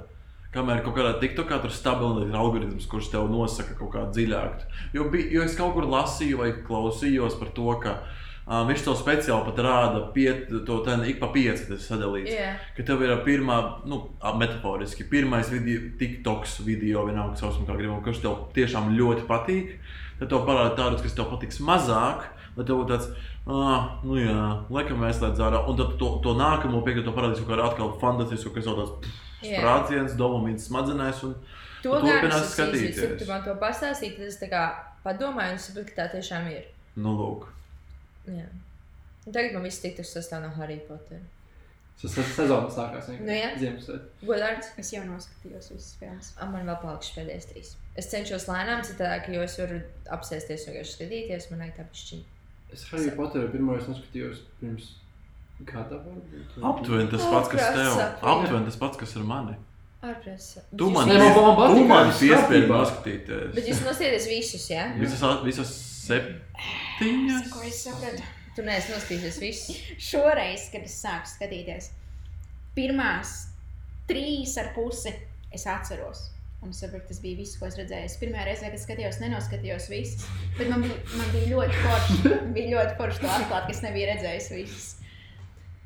Tu noskaties tikai pirmās trīs un nezināji par pārējo eksistenci. Nē, es zināju, es neturpināju skatīties. Es, man liekas, tas arī bija tikai tādēļ, ka es ar tevi sāku draudzēties, visu laiku par to runāju. Es, domāju, nu, Es, labi, es nevaru stienu. man ir jānoskatās. Francis arī noskatījos Heidijas dēļ. O, jā, es neesmu. Es ar nākamo, es jau dzirdēju, ka jūs ar uh, Rītvaru podkāstā nodarsāt visus manus mīļos seriālus. Hava Ā. metru modeli es mīlu, mēs nenodarīsim. Nē, es arī. Bet nē. e, man bija žēl, ka es nebiju tajā podkāstā. Es gribēju ieteikt nākamo, kas jums jānoskatās. Nu, nu. Grace and Frankie. Man vajag apstāstīt bišķiņu. Labi. Ļoti mazliet. Uh, tur ir Jane Fonda un Lilija. Neatceros, kāds viņai uzvārds. Aktrises. Viņām abām ir in real life 70, 80 gadi. Tieši tāpat arī seriālā. Seriāls ir par veciem cilvēkiem, bet viņš ir fucking cute and funny. Ļoti interesants. Vienkārši tas, ka. Iedomājieties, tu skatītos, viņš ir tāda tāda seriāls kā Friends of Home, tāds vieglais seriāls, bet vienkārši tevis ir Tur nav fonā smiekli. Nē, nē, Ah, nē viņš nav cringy. Tā kā vienkārši tas, ka viņš ir tāds viegls un jauks, un arī īsas uh, epizodes. Viņš ir, nu jā, tādā ziņā kā Friends, vienkārši tas, ka tur ir galvenā varoņa veci cilvēki, un tas uzreiz ir daudz citādāk. Viņam, man liekas, viņam nav daudz sezonu, es neatceros. Bet viņš arī tāds ātrais fona seriāls. Viņš Es- vienkārši ļoti cute, un tur ir Jane Fonda, kas ir, jūs zināt, Jane Fonda. Es neesmu. Es- Džeina jā. Fonda. Jane Fonda bija kādreiz fitness čiks, kuros tajos pagājušajā gadsimtā 80. 70. Vēl labāk. Wow, Viņa bija tik- fitness, tā kā tur teļu kā kādreiz arī ieslēgta, tā kā fitness, un tur bija Jane Fonda. Es redzēju, populāra. filmās, ka tā dara. Bet, wow. Stranger nopietni. Bija tā, man liekas. Ah, jā, Stranger Things kaut kas tāds bija. Jā. Jā. Nē, tas seriāls, viņš ir arī tāds ļoti jauks. Okay. Man Tā vienkārši ir komēdija, domāju. Jā, Okay. vienkārši man, tur ir, protams, tur ir ļoti daudz kaut kādas cringy lietas, obviously, bet vienkārši man, ta- man likās ļoti interesanti, tāpēc, ka tie ir veci cilvēki, kas ir galvenie varoņi, nevis jaunieši kā parasti. Un plus tie aktieri visi ir diezgan ģeniāli aktieri. Tā kā ir ļoti forši. Hmm, interesanti. Jūs patīk, tur viena no galvenā varoņa, ast- 70 gadu kundzīte, kur visu laiku pīpē zāli. Tā kā non-stopā. Kāds bija nosaukums? Grace and Frank. Protams. Ļoti forši. Nopietni, man ļoti patīk. Es viņu divreiz esmu redzējis. Wow. Es grieķi ierosties, un tad es arī turam lieku skatīties. Viņam arī patīk. Viņam nekas cits neatliek. Jā, man mazliet žēl arī tādu brīžiem. Jo, nu, ja Heidija pasaka, tad tā arī būs. Jā, man ir, Cindy, varbūt, man ir problēma. Es neskatos filmas. Precīzāk, es skatos jaunas lietas. Es skatos seriālus, jā, un tad skatos Harry Potteru jau 75. reizi. Jo es skatos Harry Potteru no 4-5 gadu Tā vecuma. mākslinieka no galvas. tā kā- Es zinu tekstus no galvas. Un vecās Disneja filmas, ko mēs toreiz skatījāmies, kaut kādu camp roku vai High School Musical no galvas. High School zinu. Musical. Māma mīl no galvas. Zinu. Es tikai skatos uz rīņķi tās pašas filmas. Es nezinu, kāpēc. Tie ir vēl no kinoteātriem. Nē, es eju. Tā, kā, tā man nav. Kā es, nē, uz kinīti jā, ok, bet pārstāvēs šausmām. Vai kaut kāda tiešām, kas man nenormāli liekas, ka jā, laba. Aha. Bet eh, kā rītam ilgi likās, ka man nepatīk kaut kādas tur ķipa smagās filmas vai akcijas vai drāmas vai kas tāds. Bet, ja iet pa televizoru un es aizskatos, man interesē un man ļoti patīk. Mēs esam Bet tu skatījušies. pat vienkārši neslēdz. Es nekad neslēgšu, man nebūs tāds, o, oh, jā, es gribu šo nosties. Nē, ārpus tam lūdzu, skaties Harry Potter uz rīņķi.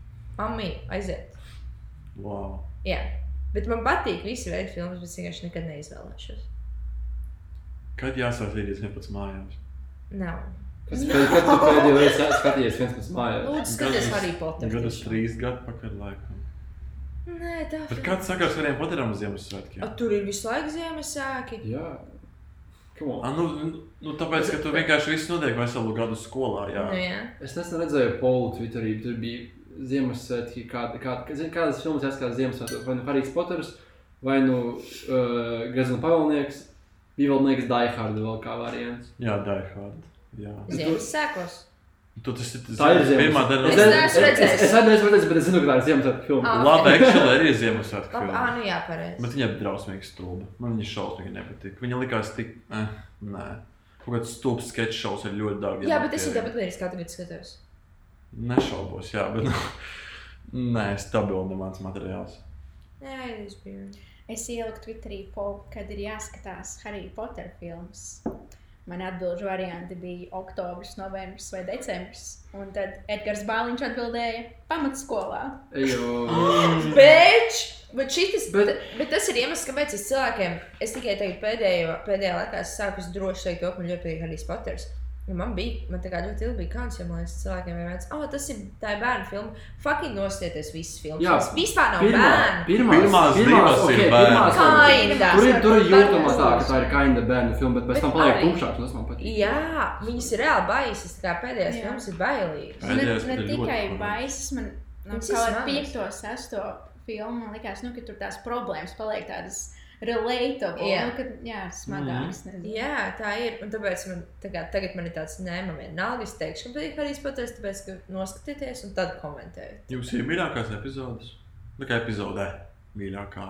No kā Nu, tieši filma, kur ir mīļākā. Potera? Jā, Potera. Nē, es varu pateikt, kur ir mana nemīļākā. Ugunsbikeris. Jā, of Fire. Stabili, jā. Tā Tur ir viena no mīļākajām ainām Harijā Poterā. Kurā? Pašās beigās, kad uh, bija, viņš bija tajā kaut kādā kapsētā ar to vienu to. Deer, jā. Jā. Un viņi pēc tam tas šausmas nomira, un viņi Jā. abus teleportēja. jā. Un kur tā kā viņi abi teleportējas, un viņš ir miris, un Harijs raud, un viņš ir. Tā vienkārši, man liekas, tik. Tā. Tā, nu, Tā ir ļoti interesanta aina, actually, jā. Nu, man tur viss likās nevaru man ir tā, ka es, eh, es nevaru pateikt mīļāko, bet tā kā, ja man teikt tā paprasti, es saku Goblet of Fire, man tā kā vismazāk patīk. Bet es nezinu, vai tāpēc, ka. Um, Es, kā lai skatos, tas, tas, kas tur notiek, tā spēle, man ir, es jau viņu tik ļoti zinu no galvas, ka varbūt man vienkārši paliek garlaicīgi. jā. Jo citās filmās ir kaut kā izvērstāk, vairāk stāsta par vairāku lietām. Jā, jā, jā. Tāpēc varbūt tā kā, tas neapnīk, bet jā, Goblet of Fire ir man nemīļākā, bet es tāpat viņu skatos always, tā kā, why not? Man mīļākā noteikti būs Fēniks ordenis. Es neesmu lasījis grāmatu, es nezinu, bet man arī cilvēki, kas saka, ka grāmatā ir vismīļākā Fēniks ordenis.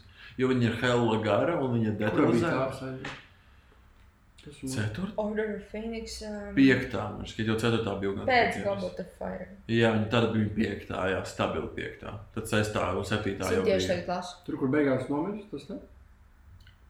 Es gribēju teikt, Gandalfs. Nē, Dominos. Dominos. Um, Nē, nē, vēl nē. man viņa ir tīri vizuāli ļoti patīk. Viņa ir ļoti, ļoti tāda jauki nofilma. Nu, ne jauki, bet krāsaini un interesanti nofilma. pagaidiet, drīkstēji to teikt. Ah, Cindy, tu Es noskatījos. Jā, es tikko, jā. ah, man liekas, tas tā kā, tas kā, teikt, ka- Es nepiedalos, Jā, kā tāds, es neatceros visu tik ļoti. Man liekas, kā, man liekas ka Rītvaram ir interesanti skatīties, es tā ceru. Man liekas, viņam ir interesanti skatīties mani Potteru, jo pirmkārt es par Potteru fanoju tiešām no 4-5 gadu vecuma. Plus es tagad, es, beig, es tikai tagad sāku lasīt, nu labi, pirms gada sāku lasīt grāmatas. Un es zinu tik daudz backup informāciju, gan vienkārši filmēšanas lietas, gan stāstus, ne tikai no grāmatām, bet vienkārši kaut kāds Harry Potter Wikipēdija. Nu, jo es visu laiku, ja es kaut ko nesaprotu, es vienkārši meklēju un lasu. Un, protams, ir lietas, ko es neatceros. Un tad rītam vienkārši paralēli stāstu, un viņam tāds, oh, wow, tā kā, nu, viņam tas liekas ļoti interesanti, jo es zinu vairāk nekā tu redzi filmās. Nu, jā. Tā kā es vienmēr, man vienmēr tāds, es daudziem saku, ka, ja skaties Harry Potter, skaties man, tāpēc, ka es tev vienkārši izstāstīšu vēl. Tā kā, jo ir lietas, kas doesn't make sense, ka tu skaties filmu kaut kādā ziņā. Un es vienkārši pasaku, jā, tas ir tāpēc, tāpēc, ja tā bija grāmatā, tā bija Wikipēdijā, to es izlasīju tur, tas bija intervijā. Un tas bija, ah, ok, cool. Ir filmām tie direktori skati, kur ir tie koment, Jā. komentāri no režisoriem. Tas principā tas pats. Reklams ir kļu- kļuvis par tādu sūdu brāli pēdējā laikā. Kāpēc? À, tu, tu zini to stāstu, kā, kāds bija tā rakstniecība vārds, tiešām aizmirsis. J.K. Rowling. Mm. Rollinga, jā. Kas tur bija? Es neinteresējos. Vi, es tu, tu, tur bija tas tvīts par to, ka. Ah, Tur bija transfobija. Ja cik padomāji, ka viņa tas bija, lai tas bija maksimāli debils joks, kur tā kā actually var redzēt, ka tas ir joks, bet viņa, bet visi to uztvēra kaut kādu transfobiju. Jā. Un pat Reklivs, basically, cil, basically viņas dēļ, viņa, viņam šobrīd ir šī aktiera karjera, Jā. bez tām filmām viņš nebūtu nekas palielinājums. Tas nenozīmē, ka ja tas viņš cilvēks, viņu- tas, kā, tā nav nekāda parāda viņai. Tas tāpat kā ar Epsteinu. Tā Kā, cik daudz Holivudas aktieri var tā kā, savu slavu tieši saistīt ar to, nu, to pedofīlu. Arī Tas nozīmē, ka ah, viņš ir pedofils, bet nu, viņš ir ok, tāpēc ka esmu slavens daļa viņa. Nu, Nu, bet pedofili un kaut kāda debila. vienalga, bet Nu. tu vari būt arī idiots. Nu, tā kā, tas, Nu, labi, jā, man nepatīk, kā Reklivs uzvedās, tas ir mans viedoklis. Varbūt kāds to nepatīk, varbūt kāds, kāds to nepatīk. Es neskatīju tik daudz līdz tā kā Es pat nezinu, par ko es runāju. Harry Potter aktieri. Ups. Bet nē, nu jā, es nesakoju tik ļoti tam līdzi, es es vienkārši dzīvoju savā Harry Potter pasaulē visu mūžu un I'm happy with that. Nu, tā kā viss. Vai tu arī skaties uz rīņķi vienkārši konkrēti filmas, vai tu neesi tik kā Heidi? Nē, man liekas, ir ļoti reti, kur, nezinu, filmu vai seriāls. Vienīgais, man liekas, kas seriāls, ko es, nē, labi, esmu skatījusies Friendus, kādas divas reizes toču no sākuma līdz galam noskatījusies. Un es noskatījos um, to seriālu Netflixā Dead to Me. Jā, zinu. Kaut kas dzirdējis. To esmu noskatījusies divas reizes. Ah, ok. uh, Pirmo sezonu divas Ok. okay. reizes. Un, bet nē, man nepatīk skatīties. Man ļoti patīk skatīties seriālus, tos jau tu jūs zinat, arī tur jau jums pastāstīju. Tu mums pateici, to Ritvars Tā arī ir bijis uh, šajā podkāstā. Jā, Jā, ja, Tikko ja šodien- šodien izgāja epizode ar Jā. Rītvaru. jā.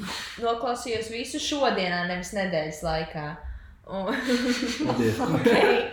Liels paldies tiešām, jā. um, bet jā, nu, es skatos ļoti daudz seriālus. Man liekas, tāpēc, ka vieglāk. Es nezinu, kāpēc man tā liekas. Tā kā pilnīgi par tam, ko Tas ir- Rītvars. Jā, Tev ir tādas Tāpēc mazākas devas, nevis, Jā, man- nevis jā. liela. Bet uh, es nezinu, kāpēc. Pat ja tas seriāls ir tur 40, 50 minūtes, man liekas, oh, labi, kaut kādā ziņā tas ir mazāk kā filma, bet man pilnīgi tāds, that's okay for today. Es bērnībā skatījos diezgan daudz lietas uz rīņķi, jo nebija internets, un viss, kas man bija flashā, tos arī skatījos uz rīņķi, kas man vienkārši bija pieejams. Tas kaut kāda kungfu panda pirmā un otrā daļa tā kā stabili griezās uz rīņķi vienkārši non-stopā un visu laiku. Un vēl dažādas filmas, kaut kāds Tintins, piemēram, kas tam līdzīgs. Liekas, ka tas, ko cilvēki vispār neskatās, bet viņi tikai burtiski uz rīņķi esmu skatījies. Kad es divu kaut kādas ļoti dīvainas lietas. Bet tā no pēdējā ir, ir pāris anime, kurus noskatījos vairākas reizes. Es biju agrāk ļoti daudz anime boys. Tev arī patīk anime? Man arī Viņš šeit nav, skat, viņš man šeit nav skatījies. Ne... Nu, nu, ko- Nevis nepatīk, bet es neesmu skatījies. Jā, nu, jā. Bet, ja ir kādreiz kaut kāda, atcerieties, ka pat TV3 kaut ko Tas ir. līdzīgu. Jā, bet vismaz kaut. Nē, es Nē, tas, tas ir pilnīgi. Labi, es negribu par to šobrīd nekādā veidā diskutēt. Nē, es saprotu. Bet tas pilnīgi nav. Nē, Viss, es es redzu šo tēmu. ka es kaut kad pamēģināšu. Bet tik cik es kā kaut ko pamanu, man. Mm -mm. Ja tev ir vēlmes, tad droši raksti man, es to Mhm. piedāvāšu. Labi. Man ir mierīgi pajautāt, ko tu gribi sīri, es to pat piemeklēšu. Jo tur ir Labi. ļoti, variantu ļoti daudz. Jā, ok. Un arī no seriāliem vienīgais, ko es noskatījos divreiz, ir uh, Breaking Bad, tā kā no sākuma līdz beigām. To es gribu nostīt. Horseman Bojack es skatījos divreiz tehniski, jo es noskatījos līdz trešajai sezonai, viņš vēl nebija tik beidzies. Kaut kurā brīdī es vienkārši apstājos. Pavisam nesen es noskatījos no sākuma līdz beigām. Es vienkārši nezināju, kur es biju beidzis. Jā. Un atgriezties atmiņā. Un palielinām arī viss. Un kaut kāda adventure times varbūt arī tāpat notika. Varbūt mēs neesam tik lieli, lieli animācijas fani kā tu. Stabili. Jā. Iespējams, jā. Jo es ļoti mīlu mūtēnus. Man ļoti tas patīk. un interesē. Jo ar aktieriem. Man patīk, protams, filmas ar aktieriem. Es principā skatos daudz filmas. Matīs zina ļoti daudz par filmām, viņš zina visiem aktieriem vārdus. Es pieņemsim, neko nezinu. Ne ļoti. nezinu Nē, paga, paga. vienu Nav.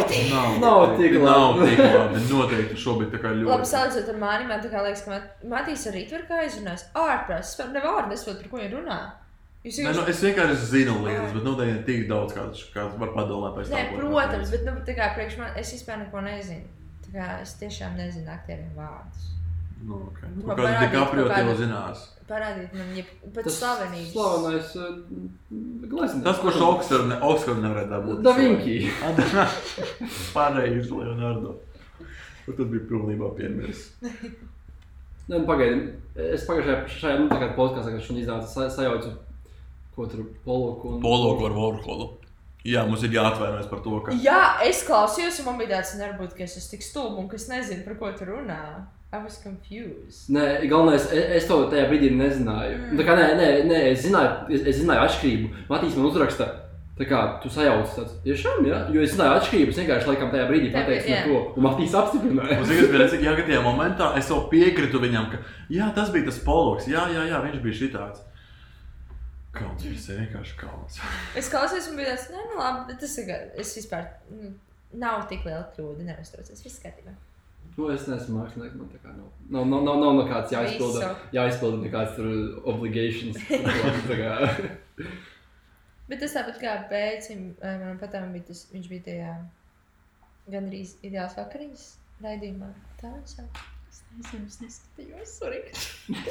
Tur, kur četri cilvēki. Es, jā, tas ir tas, es Vakariņas nezinu, es neesmu skatījis. nē, gandrīz ideāls vakariņas. Es neesmu skatījies, bet zinu, par ko tu runā. Jā, un uh, pēc sēdīšā pēc to, ka Zuma ir no Jēlgavas patvērsmes.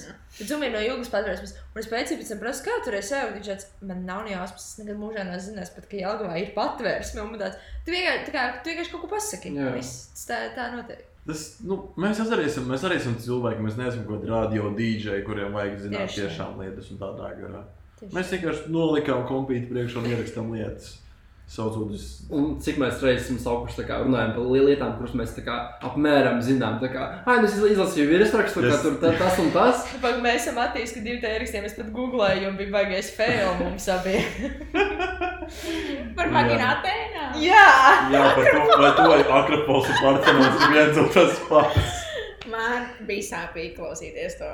Nu, Es pēc tam arī tur stāstīju, viņam, bet viņam bija tāds, nē, tā kā viņš teica, ka es to saprotu, ka viņš ir tā kā viss skatībā, tā kā ir normāli.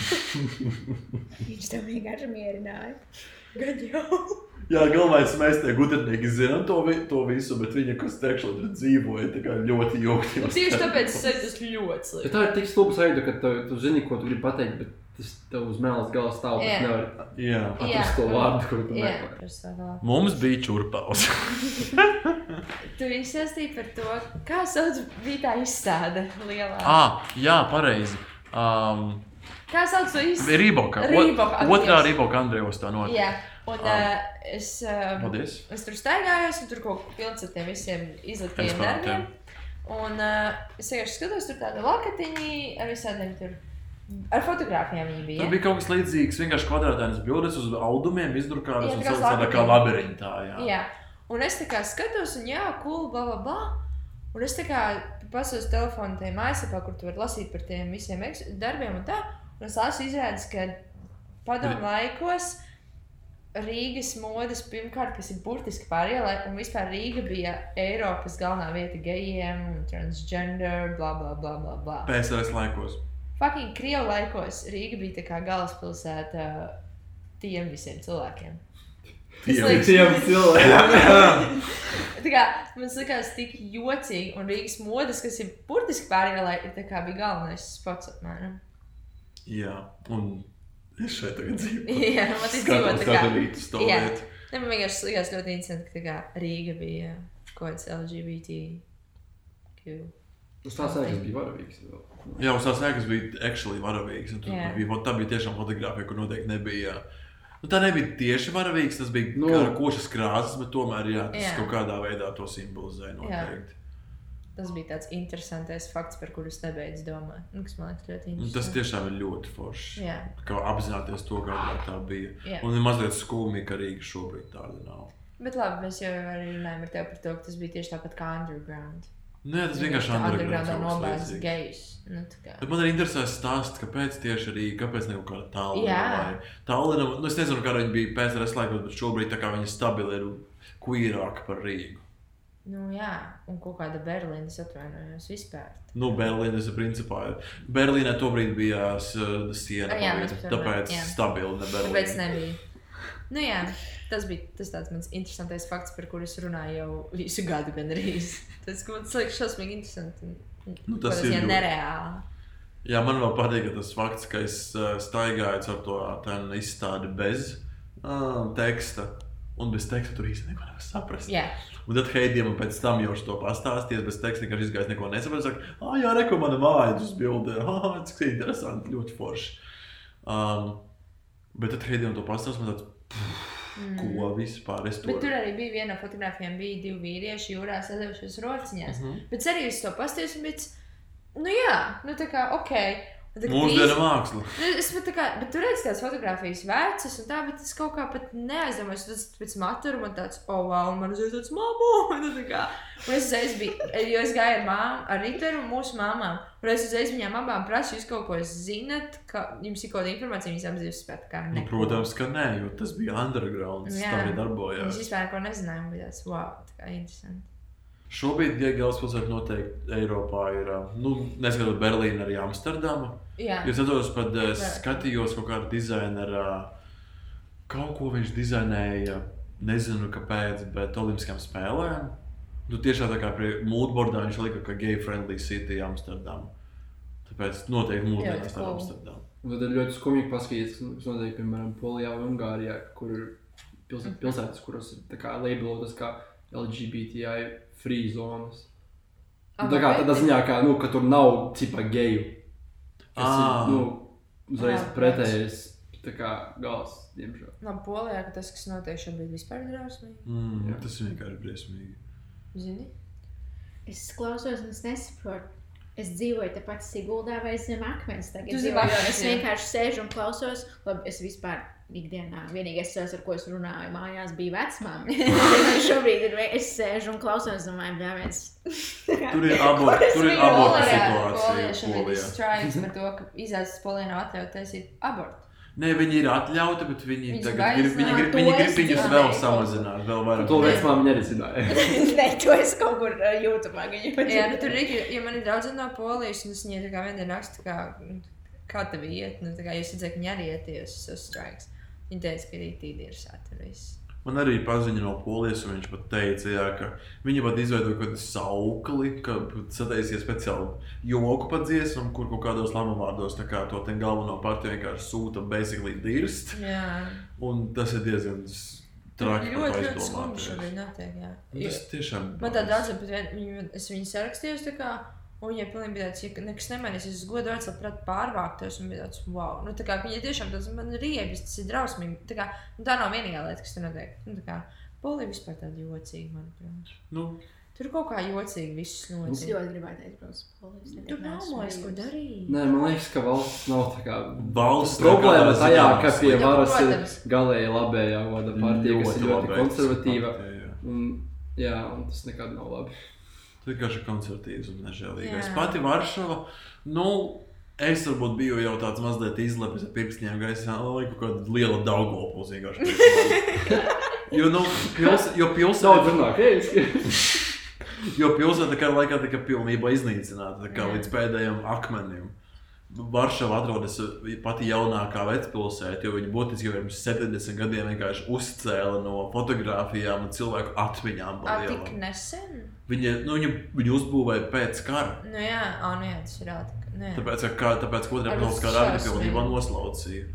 Un, protams, ka visa pilsēta nav tik vēsturiska kā, kā tas vēsturiskais centrs. Viņa visur uzbūvēta no pelēkām, vienmuļām, hruškopkām, palielinām, sociālisma stilā. Jo tas bija lētāk, un tas bija vienīgā vara, kas bija pastāvēja. Tur. Un pats patā, pašā pilsētas centrā atrodas tāda pati, kā mums ir. Uh, Nevis zinātņu māja, bet uh, zinātņu akadēmija. Viņiem ir tāda pati ēka, tikai trīs reizes lielāka. ne tikai, viņi ir vairāk vietas Eiropā, man liekas. Tas ir viens otrs, jā, prikols. Es nezinu, cik tādas ir Eiropā. Es zinu, ka Maskavā tādas laikam ir 12, bet tā ir. Ok. Nu, viņ- un viņas burtiski izskatās pilnīgi vienādi. Jā. Tā kā vienīgais, ko viņas atšķirās, ir mazliet. Viena ir zemāka, viena augstāka, un viena ir no balta akmens, viena no brūna akmens. Ā, nu. Būtībā visas starpības tā kā viņas ir identiskas pa lielam. Bet man patīk, ka Varšava ir pārvērtusi par pilnīgi kā muzeju, zinātnes muzeju, ka tu vari aiziet un paskatīties, tur, piemēram, nezinu, kukaiņu izstādi, kur tu vari zem mikroskopu visādus dažādus zirnekļus paskatīties, ja tu vienam tas interesē. Un pakājai četri teātri, kurš ir katrs savā žanrā, tur komēdijas teātris, O, dāmas teātris, tam līdzīgs. Tiešām tas ir burtiski kā pilsētas centrs tagad. Ā, ļoti Tā ir, ka viņi ir ļoti skaisti, viņi izmanto ļoti interesanti. Forši, to es nezināju. Nu, es arī nevarēju izbaudīt Varšavā īsti pastaigas, jo es biju marta vidū, marta beigās, kad bija augsti. Un ārā bija mīnus divi grādi, un man visu laiku sala rokas, un es negribēju, ka nevarēju pastaigāties. Bet, bet var just, ka tā ir Eiropas pilsēta. Man Jā. tiešām liekas tāds mindblowing. Nu, Saprotu, ka Varšava gan jau tā ir tā atvērtākā pilsēta. To, kā, tāpat kā Protams. Rīga, Latvijā, tas pats Nu, arī tur ar jā. Pārējā valsts gan nav tik atvērta, bet nu, tas ir ļoti skumji apzināties, kas tur notiek ar to Jā. visu politisko sistēmu. Nu, Es ceru, ka ar laiku viņiem nāks pievērst kaut kā kreisāk, skat, kreisākiem uzskatiem partijas. Mm. Jo nu, šis pavisam nav foršs. Jā. Principā pēdējā laikā notiek tik daudz šādu, šādu mītīņu, tādu ir Baltkrievija. Oh, jā. Es īsti nezinu, vai viņa, viņa nav beigusies ar tie visi mītīņi. Mm. Tas joprojām notiek. Tā kā Cilvēki cilvēki, mazāk par to raksta. man nu, vienkārši jā, cilvēki jau tā kā, tās vairs nav jaunākās ziņas. Tā dzeltenā vairs par to vienkārši neraksta, bet nu, tas ir diezgan, diezgan greizi. Uzskaties! Tas ir tieši Daugavpilī. Es jā. Šovasar pirmo reizi biju. Stūrēju, braucu ar mašīnu cauri Daugavpilī. Wow. Renda arī bija ar mani. Oh. Ren, tev patīk Daugavpils? Viņa jau neko neatcerās, jo es arī neko neatceros. Mēs uh, braucām vasaras beigās uh, ar draugiem un nedraugiem. Nu, cilvēkiem, ko es pirmo reizi mūžā ieraudzīju, mēs braucām trīs dienas caur Latviju. Un es biju ļoti daudzās vietās pirmo reizi, un Daugopils bija viena no tām vietām. Mēs kaut kādus, nezinu, 11 km no Daugopils nakšņojām vienu no naktīm kaut kur nekurienē. Kur jūs vēl bijāt? Oh, mēs bijām Aglonā, mēs bijām Rēzeknē, mēs bijām. Uh, Viss kaut kur. Viss kaut kur. Okay. Es nezinu, nu, man nav atmiņā Vai ir kaut viena lieta, ko tāds ir no Daugavpils? No Daulopils. Nu, labi, nu. Mēs bijām Circle K. Nice. Ā, vienā no divi. Divi. jā. Divi, jā. Viņi ir tikai divi tur, jā. Sildēļ viens. So. Nu, tas ir nu, mūsu otra lielākā pilsēta Latvijā, bet tā kā ir tikai divi, kamēr Sigūda Nu, labi. ir. Uh, mēs bijām tajā cietoksnī un visā Nu, tajā protams, iztaigājām. viss. Bet es biju šokā par to, cik Daugavpils izskatījās. Nu, es nezinu, cik gadus atpakaļ. Tā kā tur nebūtu tā. pieskāries. Tas pats, ko mēs Tik runājām. pelēka, tik tur ne... Pat ne tas, ka Man nav pelēki, cik vienkārši viss ir Tā novecis. Ir bloku mājas, pelēkas, milzīgas, nekā vispār. Nu, Tāpēc man nav atmiņā no Daugavpils, ka es tur biju salīdzinoši nesen un saprātīgā vecumā, bet tie- tāpēc, ka tur nekā tāda ne... Tu pat izēji uz ielām un tu pārsvarā redzi vecus cilvēkus. Tas tiešām ir Jā. ļoti skumji apzināties, ka jauniešu vienkārši nav. Vienkārši nav. Es neteiktu, ka nav. Nu, protams, ka nav tā, ka nav vispār, bet salīdzinot to pašu Rīgu. Daugavpilī ir universitāte. Arī Jā, skatās. jā, jā. jā. Nē, jaunieši arī ir un viņi darbojas, bet vienkārši tas nav varbūt tik Nu, Es uzkrītoši. zinu vienu meiteni, kas dzīvo Daugavpilī.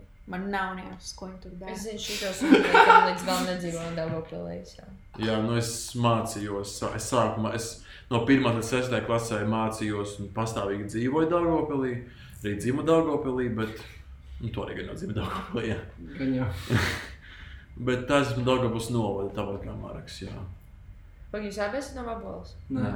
Es, Man es, izdzīvo Vabolā. es no līgas pagaisu, es kaut ko- ko izsaku, gan jau, ka Nē. Nu, tas vienkārši blakus uz leju. Tas ir Okay. būtiski blakus. Jā. Viņš Ah, ok. vienkārši tuvāk Dārgopilī mazliet. Okay. Būtībā viss starpība. Varbūt cilvēki zina par uh, līgstu, par no mūzikas skrituļa. Vai par baznīcu, vai par uh, adatu fabriku. Ak, man tas nebūs. Es kādreiz- Es protu šobrīd. Adatu fabriku. Kāpēc es par to neko nedzirdēju? Es trešajā klasītē es mācījos, tā kā Līgas skolā bija muzejs. Par Līgas Mm. vēsturi es tur par tā kā, tur, tā kā daudz skat- skatījos par to vietu. Es Jā, tikai bija, jā, bija mūža, bija plātri zīberi, kas bija diezgan slaveni. un Tur... Jā, par tiem whatever. zinu. Ko jūs? Jūs tiešām, jūs tiešām, wow, nabaga suns. Renda nedrīkst dzert. Renda visu grib. Tev ko tu Redz, ka tas nav jādara, tāpēc, ka pārējie dara. Tad nav nekādas spiediena Viņai vispār. nevis skut, viņai bail, ka tu griezīsi nagus. Tu viņus iegriezis nagā kādā? Nē, viņai, viņai Tāpat vienkārši sāp. tā. Viņai viss Tu viņai griez nagus? Es viņai mēģinu nogriezt uh, priekšā. Viņai ir šausmīgi tie nagi aug uh, cerams, ka auga gari, jo viņas pastaigājās uh, tikai pa pļauju pārsvarā. Nu, jā, Rīgā suņiem no asfalta Un, ā, nodaldēs, tāpēc Nu, nav jā, tagad es uh, ceru, ka Ah, viņai wow. viss šī novīlēsies tie nagi, jo viņai ir Nu, šausmīgi. bet tas skan sāpīgi. Nē, nē, nē, tas viss skatījā. Man tas, tieši, tas, tas, tas ir normāli. Tas ir normāli. Tas ir Jā. Es normāli. esmu dzirdējis tādus no brāļa, ka nagu griešana nav labas. Tā kā, tā kā nu, vismaz ar kā, kā, kā, kā kurš suns var ir būt. jāmāk to darīt. Nu, es pieņemu, nu, tur tev ir jāzina, kur tu griezi, tāpēc, ka ļoti daudz viņiem ir trauma, tāpēc, ka kāds saimnieks nogriezis pa daudz, jo sunītam tu redzi, kur ir, ir viņa nadziņš, tu pagriez ķepiņu otrāk, un tu redzi, ka apakšā ir, tipa, īstais nadziņš, un ja tie griez tajā, tad ir ļoti sāpīgi, ja Nu, tie jā. griez Tas būtu tā līdz kā tam. pirkstā iegriezt. Jā, iegriezt jā. Nu, es, sa, es saprotu, ka es tagad, es tagad aizdomājos par ķepas uzbūvi. un Jā, saprotu, ko es domāju. Man, piemēram, zuma ļauj griezt nagus, jo es, Bet tu proti. jo es automātiski man pirmais, bet es obligāti apstīšos, pārbaudīšu, kāds ir jādara, un tad viņa griež, viņai ir pilnīgi vienalga. Zuma ir lielāka, ja? Zuma ir uja liela. Nu, labi, viņa, viņa ir mazāka kā labrador types suns. Jā, bišķi mazāk, bet viņa ir daudz lielāka par Endiju. Viņa ir tā kā trīs reizes lielāka vismaz. Mhm. Nu, viņi var šitā uzlikt ķepu virsū. Jā, viņas, ar- viņas ar Endiju vispār ļoti, ļoti labi draudzes. Jā. Rendē nepatīk lielais suņi izņemot zumu. Jā. Nu, tas Baidās no visiem. Un, bet es domāju, tāpēc, ka viņas bija tā kā kucēni, kad viņas satikās. Zinu, ka man brāļa suns uh, rēja, parasti rēja uz vai nu dzerājiem, bombžiem, vai melnādainiem. Nopietni! Suņi ir komunisti. Well, that's interesting. Jā. Wow! Man liekas, ja es tagad nesaprotu bet nu, es kaut ko tādu atceros. Jā. Ja es tagad neizdomāju kādu stāstu par rasi, rasistisku sunu, bet nē, ok. Suns ir rasists. Tas būtu ļoti interesanti komēdija. Man šķiet, suns ir rasists. Tas doktors Dūls varētu sarunāties. Su... Melnātais doktors Dūls varētu sarunāties ar sunu un suns teikt, ej, dirst, un es neteikšu turpmāk tos vārdus, jo nedrīkst kaut kādos atskaņot. Matīs bīsas. Ai, Tik garšīgs ofis nevar. Tev arī šis garšo vai tev? Jā, šis man patīk. Šis, jā, šis, lab, šis labais kiršovs. Šis ir labākais kiršovs. Tad ir noklausījies vienā podkāstā viņu, un tāpēc es tagad neesmu Ah. viņu. Un redz, kāds ir insights. Tā kā Mums vajag biežāk teikt par lietām, kas mums patīk. Man vajag filmiņai skeneri. Nezinu, kāpēc to pēkšņi atcerējos. Jā, nespēc. Bet, nu, varbūt gadījumā tas nokritīs no gaisa. Tev ir kādi jautājumi? Kā jūs dīlojat ar karantīnu pašlaik?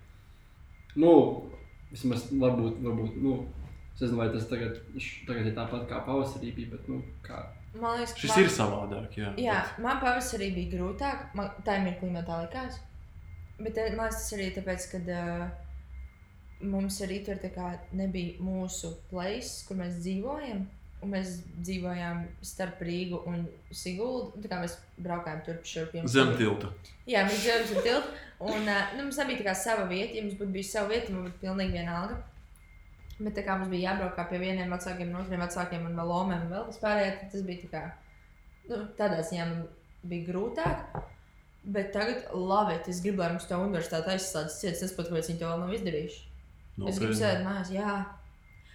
Tāpēc, ka, mums jau, tā, tāpēc, ka tagad uz universitāti ir jā, man ir jāizbrauc tikai divreiz nedēļā, jums ir vienreiz nedēļā. Mums ir vienreiz. Nu, nu, kā kur Es atceros uz zīmolu, tu brauc kaut kādu vienreiz. Nu, Tā kā nav tas ritms kaut kādā ziņā. Jā. Ew, ew. Ew, nu. Lai man vajadzīt visu. Kas te vispār tagad, kas tagad vispār notiek? Wow. Nerāt nav. Nē, man patīk. Ko, man, tas, ka jāsēž mājā, man patīk. Mm, Es nevaru saņemties no kaut kādas video lekcijas, man ļoti grūti. Man Nē, ļoti nepatīk. Jā, protams. Mums ir lekcijas otrdienās kopā. un Es, man izglāba tikai tas, ka pie veidas mēs varam parunāties actually kaut Mēs vienīgi runājuši. Arī. Fakts, arī fakts. Bet citās lekcijās man tiešām paliek ļoti Ir grūti, protams. Bet um, es, man vispār ir ļoti patīk sēdēt mājās. Tāpēc man kaut kā. Nu, kā. Noteikti nē. Es- Bet cilvēkiem man, nē, man patīk aiziet uz kaņu, bet es arī tur aizēju. Pasēžu trīs stundas, tad sēžu mājās un čūloju. Mm, okay. Un pirms tam arī es čūloju visu dienu mājās. un tā kā Es sevi izvēlu ārā tikai tāpēc, ka es kaut kā apzinos to, ka tas ir jāizdara. Tas kā vienkārši nobumbulē. Un kā tu Sindī, tu Siguldā pavadīji visu to laiku? Es tagad cenšos salīdzināt pirmo lockdown ar otro lockdown. Nu, Nu, tagad- tagad tu dzīvosi. Nu, tas bija viens liels pārdzīvojums. Jā, sākās man, man 25. martā ir dzimšanas diena, un lockdowns bija kaut kādā 11. Jā, Jā, burtiski, sākās. burtiski viss sākās. jā. Un uh, man nesanāca nosināt dzimšanas dienu, ko es ļoti gribēju, un plānoju tādu foršo lielo kārtējo dzimšanas dienu. Bet, uh, jā, Tev bija laba dzimšanas diena, labi? Jā, Heidija man uztaisīja pārsteigumu balīti mežā, kas bija gandrīz atļauts pēc tā brīža noteikumiem. Mēs bijām seši cilvēki, nevis pieci. Man liekas, bija Jā. pieci atļauts tajā brīdī. Uh, jā, mēs nosinājām manu dzimšanas dienu mežā, svaigā gaisā. Jā, mums bija pikniks pie gaujas. Un, uh, jā, Heidija pat neuzaicināja manu labāko draugu, kurš bija tikko atgriezies no Zviedrijas. Tikai tādēļ, ka no mums bija tā kā visiem bija bail. un Tikko kaut kāds Nu, Covid man tur bija parādījies. saruna ar visiem cilvēkiem, kas piedalījās šajā, un tā tas tika nolemts. Tas nebija mans galavārds. Nu, jā, bet es piekrītu. Tā kā tā Nu, padomājot, Nu, mēs zinām, ka loģiski tik, tikko tev ir lockdown, un tu nesaproti, kas notiek, un tad vienkārši mēs Nu, visi mēs vēl centāmies. Jā, mēs nesapratām, kas notiek un kāds jādara, bla, bla, tāpēc mēs centāmies vienkārši pēc iespējas vienkāršāk, bez stresa, vienkārši uztaisīt Indijai vismaz kaut cik kaut kādu dzimšanas dienas pasākumu. Bet man, nu, pirmais lockdowns man patika. Nu, vienīgais, ja tā dzimšanas diena, un es biju tādā labā ritmā iegājis uz zāli, regulāri gāju, bet es sāku ļoti daudz staigāt.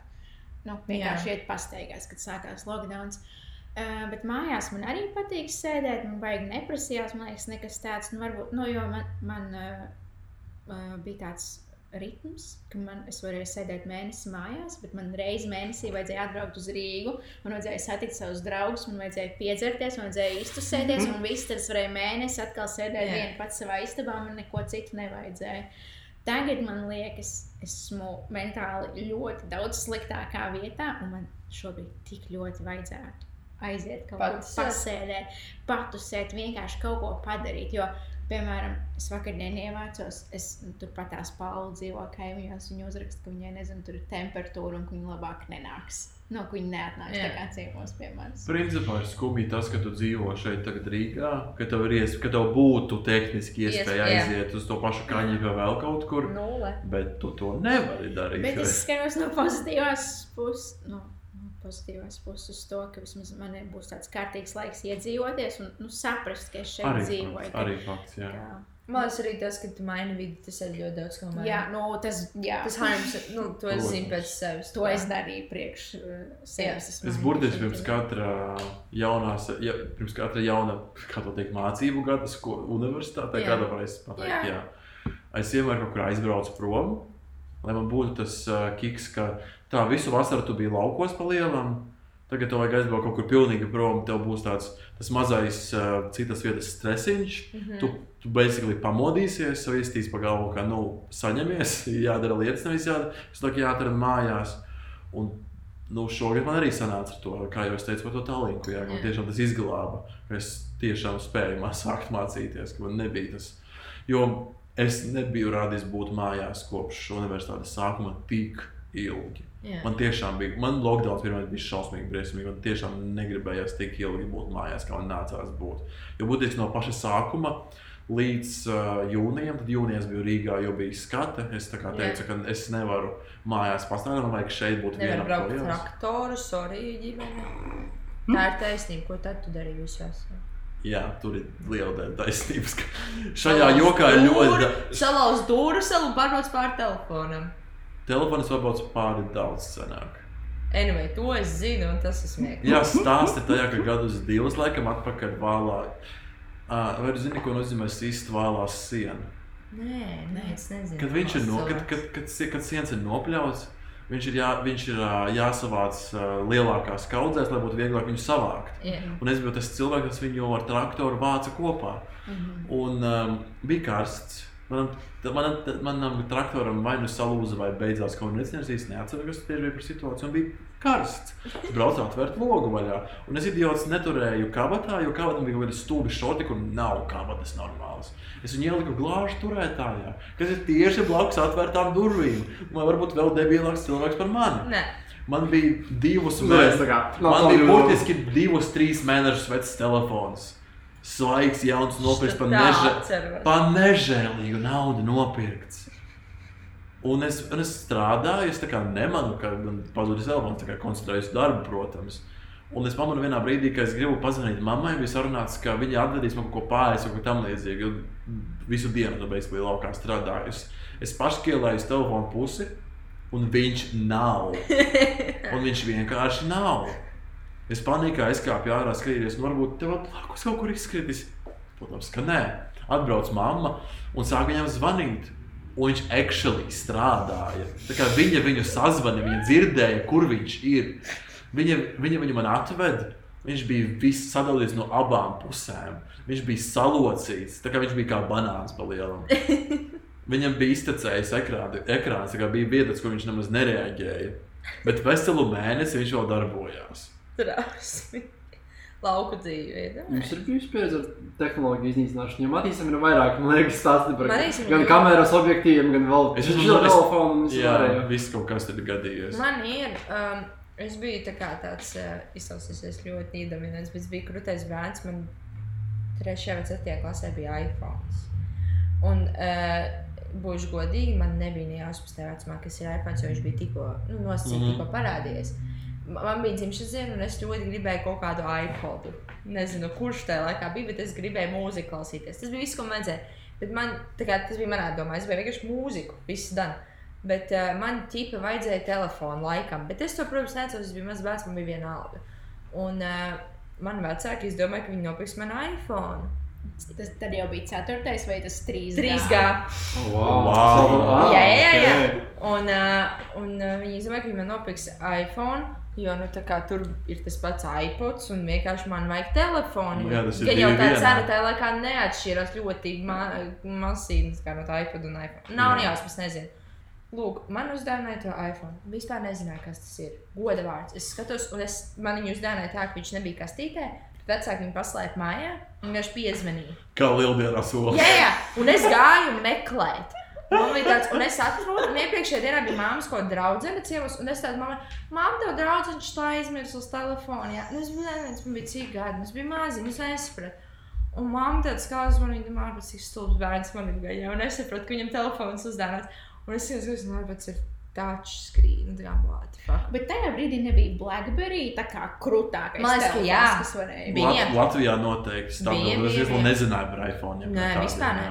Un man bija tāds, maniem vecākiem pat mājās nebija iPhone. Tā kā, nu, es, tāpat kā es esmu pirmā ģimenes loceklis, kuram ir tetovējumi, un bija pirmais ģimenes loceklis, kuram ir iPhone vai vispār touchscreen telefons. Nezinu, kāds ir sanācis dzīvē. Nu, lūk, dabūna iPhone, ja trešajā, ceturtajā klasē nezinu. Malacis, jā. Bērns. Um, es vēl tajā laikā, laikam, dejoju eh, Siguldas tautsdeju kolektīvā visbulīte. Un uh, kaut kas bija, mēs tur visi skraidījām par to deju zāli, un varbūt sakot, man viņš vienkārši nokrita zemes, un viņam bija balts ekrāns. Da.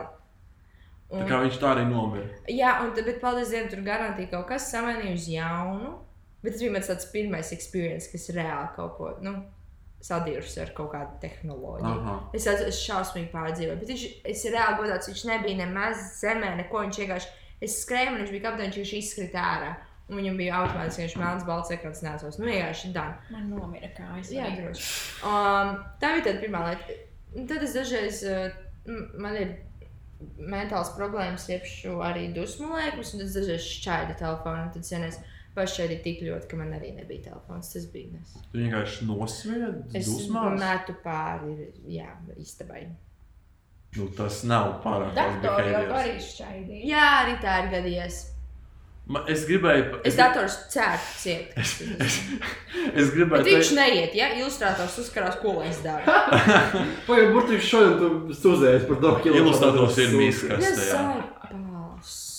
Es gribēju, es jau tieši gribēju teikt, ka es esmu slikts saimnieks. Nē, es neesmu tik slikts saimnieks kā tu. Es, jo es pats nekad viņus tā kā plānoti nešķēdu. Nē, bet tas ir to, tas, tas, ir tas skumjais stāsts, par ko es ceru, ka mēs nerunāsim par metāliem problēmām. Bet nu, es to līdz galam nekontrolēju. Un Tā vienkārši notiek. Nu jā, tas ir man. Bet nē, viss ir safe, viss kārtībā. Man kaut kā vienmēr sanāk, ka viss ir labi. un Nav gluži tā, ka jāpērk uzreiz jauns vai kaut kas tāds. Nu, man, man, man, man bieži sanāca tā, ka, piemēram, es nopērku savu LG telefonu, atceros, un nepagāja pat 24 stundas no viņa atpakošanas brīža, kā es jau viņam paspēju sadodīt ekrānu. Labi, kāpēc? idiots. Vienkārši Nu, jā, idiots. bet tu tieši tā, nu. Vai arī šis Ar to tagad, tev ir jāsāk stāstīt savu. Es esmu idiots un. vai arī šis tagadējais telefons, viņš nogulēja divas dienas akā. Un viņš joprojām strādā. bet- Tas jau bija. Tev vajag to cat telefonu. Jā. Tas ir tas Jā. traktoru firmas. Manam, tē, manam tēvam tāds bija. Es domāju, pamainīt. Jo. Tu esi Kaut ko kāds saplāsus tādu. ja tas plēsies, plēsus lietas daudz. Bet ir kaut kas, nu, tā kā. Vai nejauši vismaz. Ne tik tā mēs kā ļoti. Tā, Es vienu telefonu esmu saplēsus. Wow. Bet to es nevaru. Nu, tu neizēji no mājām, loģiski. Nebrauc ar traktoru vienkārši. nezinu. Esmu vienu telefonu savā dzīvē saplēsus. Un tas ir viss. Es negribu piesaukt, bet vienu Es pat telefonu. nezinu, dzīvē. man liekas. Es, es, es, Es esmu vēl gan, es esmu gan pazaudējis, gan saplēsis telefonus, gan vienkārši noslīcinājis. Pazaudēt ir man lielākā pārāna. Man ļoti, ļoti bail pazaudēt lietas. Man vēl gradzeni, man ir divi gradzens rokas, un tā kā viens ir omītas, ķipa man, nu jā, mantojums no omītas, no otrs ir RDMV gradzens. Un es viņus vienmēr valku nos, kas mazgāju rokas, jo man nepatīk tur ūdens paliek. Nu jā, jā, jā, tas sēdēt, man patīk. nepatīk. Ak, man dievs, cik es kādreiz daudz reizes kaut kur atstāju viņus. Bet es palīdzēju, atceros mirklī, kas nezinu, es izgāju no tās toaletes vai izgāju no tās ēkas, nu, kas ātri atceros, un tad es skrienu pakaļ. Fui, kā man nepatīk. Man ļoti, man ir pār, un es tagad labāk mazgāju ar tiem gradzeniem. Vai arī slēgt, ja man ir bijuši kavas, es nu, biksēs, tā kā, fui, ah, briesmīgi sajūta. Man ļoti riebs pazaudēt kaut ko. Ir jau Pretīgi. kāda organizēra, varbūt ne. Es par to domāju, ka, nu, kaut kā visu laiku man galvā šobrīd griežās filma Stuarts Littles. Varbūt es skatījos Jā. uz to šausmīgo filmu. Kur tā viņa- Pēdiņās mammai bija tā rociņa, uz kuras viņa lika to Ah, gredzenu. jā. Nē, kā mājās es nepazaudēju, bet tagad es esmu citur un mazgājos. Ah, Bet nu es jā. tā, tā kā es priecājos, ka pārsvarā visām biksēm pieņemsim mani kabats un arī pēc sārkiem pārsvarā pat kleitām mūsdienās ir visu laiku kabats. Kas iel, kas ieliek kabatā, bet tāpat tās tas foi. Ļoti jocīgs sajūta, ka kaut ko tādu pazaudē. Man liekas, man par tiem gradzeniem būtu vairāk stresa nekā par telefonu kaut kādā ziņā. Nu, tāpēc, ka tas ir mantojums. Ir course. daudz gabals. Jā. Jā, Tu man arī neskaties pēc tāda, kas baigi zaudē lietas. Jā. Snīgi nomačs. Marks nevarētu počēt tā kā uz ielas cilvēku. Es esmu par tā. Es arī nepušēju parasti, bet nē. Es, es esmu, es esmu ne- nekad neesmu saplēsis. Es esmu bijis tā kā pieplēsis. Man šeit ir telefons, kad kā man ir svīta tāda. Jā. Tā kā, tā kā tas, nu, līdz galam es nekad neesmu izdarījis to lietu. Es esmu pabeidzis. Nu, es tagad tiešām esmu saņēmies. Es, es laikam izaugu vienkārši. Man vienmēr tāds dators vienmēr stāvēs somā. Ja ir iespēja, ka kaut kur uz galda, ka, viņš stāvēs vienkārši uz galda un kādam blakus būs glāze ar ūdeni, es vienmēr tāds, nop, atgriezies Jā. mazliet tālāk no šejienes. Un arī, nu, telefonu tie akā viņš iekšā. Pa lielam ar šo telefonu viss ir. Drīz jau kā viņš bija divas dienas tur, un kāds saprata, ka viņš ir tur, un kāpēc divas dienas viņš tur bija. Ā, Bija tā, ka. Tas izklausās bišķi stulbi. Jā, um, atkal Hudijs bija vainīgs. Jūs zināt, Hudijam. Hudijam ir tā, tā, tā monokabata. kabata. Tā. Tā monokabata, ja, kurā nedrīkst, kurā, kurā tīri tehniski nedrīkst likt neko izņemot rokas, kad ir nosalušas. Bet es idiots izdomāju, ka vai es ielikšu tur savu telefonu. Uh, es eju garu aku, kas ir, kas ir, tas ir ļoti zemu, tā kā ar zemes līmeni pārāk zemu. Tā kā Mhm. tas ir augstāks, tur es redzēšu, kur gan jau roku izmantot. Mēs Mums zinām, tāda mēs nav, jā. zinām, kas ir kas ir aka. akas, jā. Jā, jā, jā. Jā. man tā. Un kaut kā, kaut, es neatceros, gluži, kā tas notika. Es vienkārši gribu to šausmīgo dienu izdzēst ārā no savas atmiņas. Viņš vienkārši paņēma un izkrīt ārā. Nu, jā. Vienkārši Viņi tā dara. viņš iekrīt ūdenī. Es vēl kaut ko, skaust, es vēl kaut ko klausījos austiņās. Un es vienkārši dzirdu, kā austiņas atvienojās. Ah, ka nē, vēl tās pāris sekundes ekrāns izgaismoja to ūdentiņu, un es sapratu, ka nu ir dirsā. Un es uz to telefonu padavu, es domāju, nu, viņš, viņš ir ūdens izturīgs, bet ne tik ūdens izturīgs. Es viņam uzmetu krustu, ka, nu, viss. Manam tēvam bija tajā brīdī divi telefoni, manas māsas vecais un viņa darba telefons, kurš, kurš laikam ir katra pilna. Nē, viņa tagad ir Samsungs kaut kāds vienalga. Un uh, es tāds, es tāds vienkārši parakstos, ka nē, nekas nebūs, kādai Mhm. kaut ko darīt, un aizbraucu prom uz Rīgu. Ar viņa, tele, ar viņam, ar manas māsas veco telefonu, Jā. izmantoju viņu kā savēju, tā kā esmu jau izdzēsis uh, Tā kā esmu jau instalējis visus Instagram, visus WhatsApp, visu, ko vien iespējams izdarījis, un izmantoju viņu. Un tad man vienkārši vienu vakaru raksta māsa, kas saka, ka tēris atpumpējis ūdeni ar pumpi, ir izpumpējis visu akvārā. Ielicis ielicis iekšā kāpnes, iekāpis iekšā. Jo akas ir, es nezinu, cik mūsu ir, bet gan jau Viņas desmit metri noteikti. Nu, kā kur aka. Un viņš actually ielīda akā, izvilka viņu laukā. Un man, un man Wow. raksta, prasa, kāda ir tā parole. Un es prasu, paga, kāpēc tā mana parole? Tā kā, nu, labi, viņu izvilki, viņš tiešām strādā. Un Viņš saka, jā, viņš strādā. Un viņi man viņu atved. Un viss viņam ir ok. Vienīgais viņam ir mazliet sūdīgs ar tumbiņas, bet, nu, nu kā man, viss. Viņš reāli strādā. Bet viss pārējais pilnīgi normāli strādā. Ne, ekrānam nekam nav problēma. Bet... Bet tas ir ģeniāli, un tas nav iPhone. Tas ir Samsungs, jā. Mums vajag eksperimentu. Noziedot iPhone. Nekādā gadījumā. Ko tu tur jāizsaka? Es gribētu zināt, vai iPhone izdzīvot kaut ko tādu. Noteikti, ka nē. Jau, ka ne. Gan jau, ka nē, jā. Tas, es, es esmu par Es šo esmu iPhone fanāts, bet noteikti, ka iPhone neizdzīvot. Es atceros, ka viņam Bet nu, bija. tas, ir- tas ir ļoti ekstrēms skatījums. Jā. Tas ir ļoti Iemest ekstrēms akā gadījums, jā. telefonu. Augsts. Ah! Viņam, viņam bija plēvīte, kas, protams, tā kā nomira. Viņam bija maciņš, silikona maciņš, kurš momentā pārklāja savu kādu kaļķi vai kaut ko tamlīdzīgu. To, ko mēs ne, bet tas, tā, tā aka nebija dzerama ūdens, sāka tur bija Jā. kaut kas ļoti pretīgs ūdens. Jā. Bet viņš vienalga tur izturēja. Un es esmu tiešām milzīgā šokā. Šito tāpēc- vajadzētu kaut kā TV net rakstu taisīt godu. Tāpēc, tāpēc Samsungs ir tiešām ļoti nu, izturīgs Jā. telefons. Wow. tas ir diezgan iespaidīgi. Nekad pat nebūtu domājis, ka tas tiešām tā varētu darboties. Un arī man bija iepriekš Samsungs triecienu izturīgais.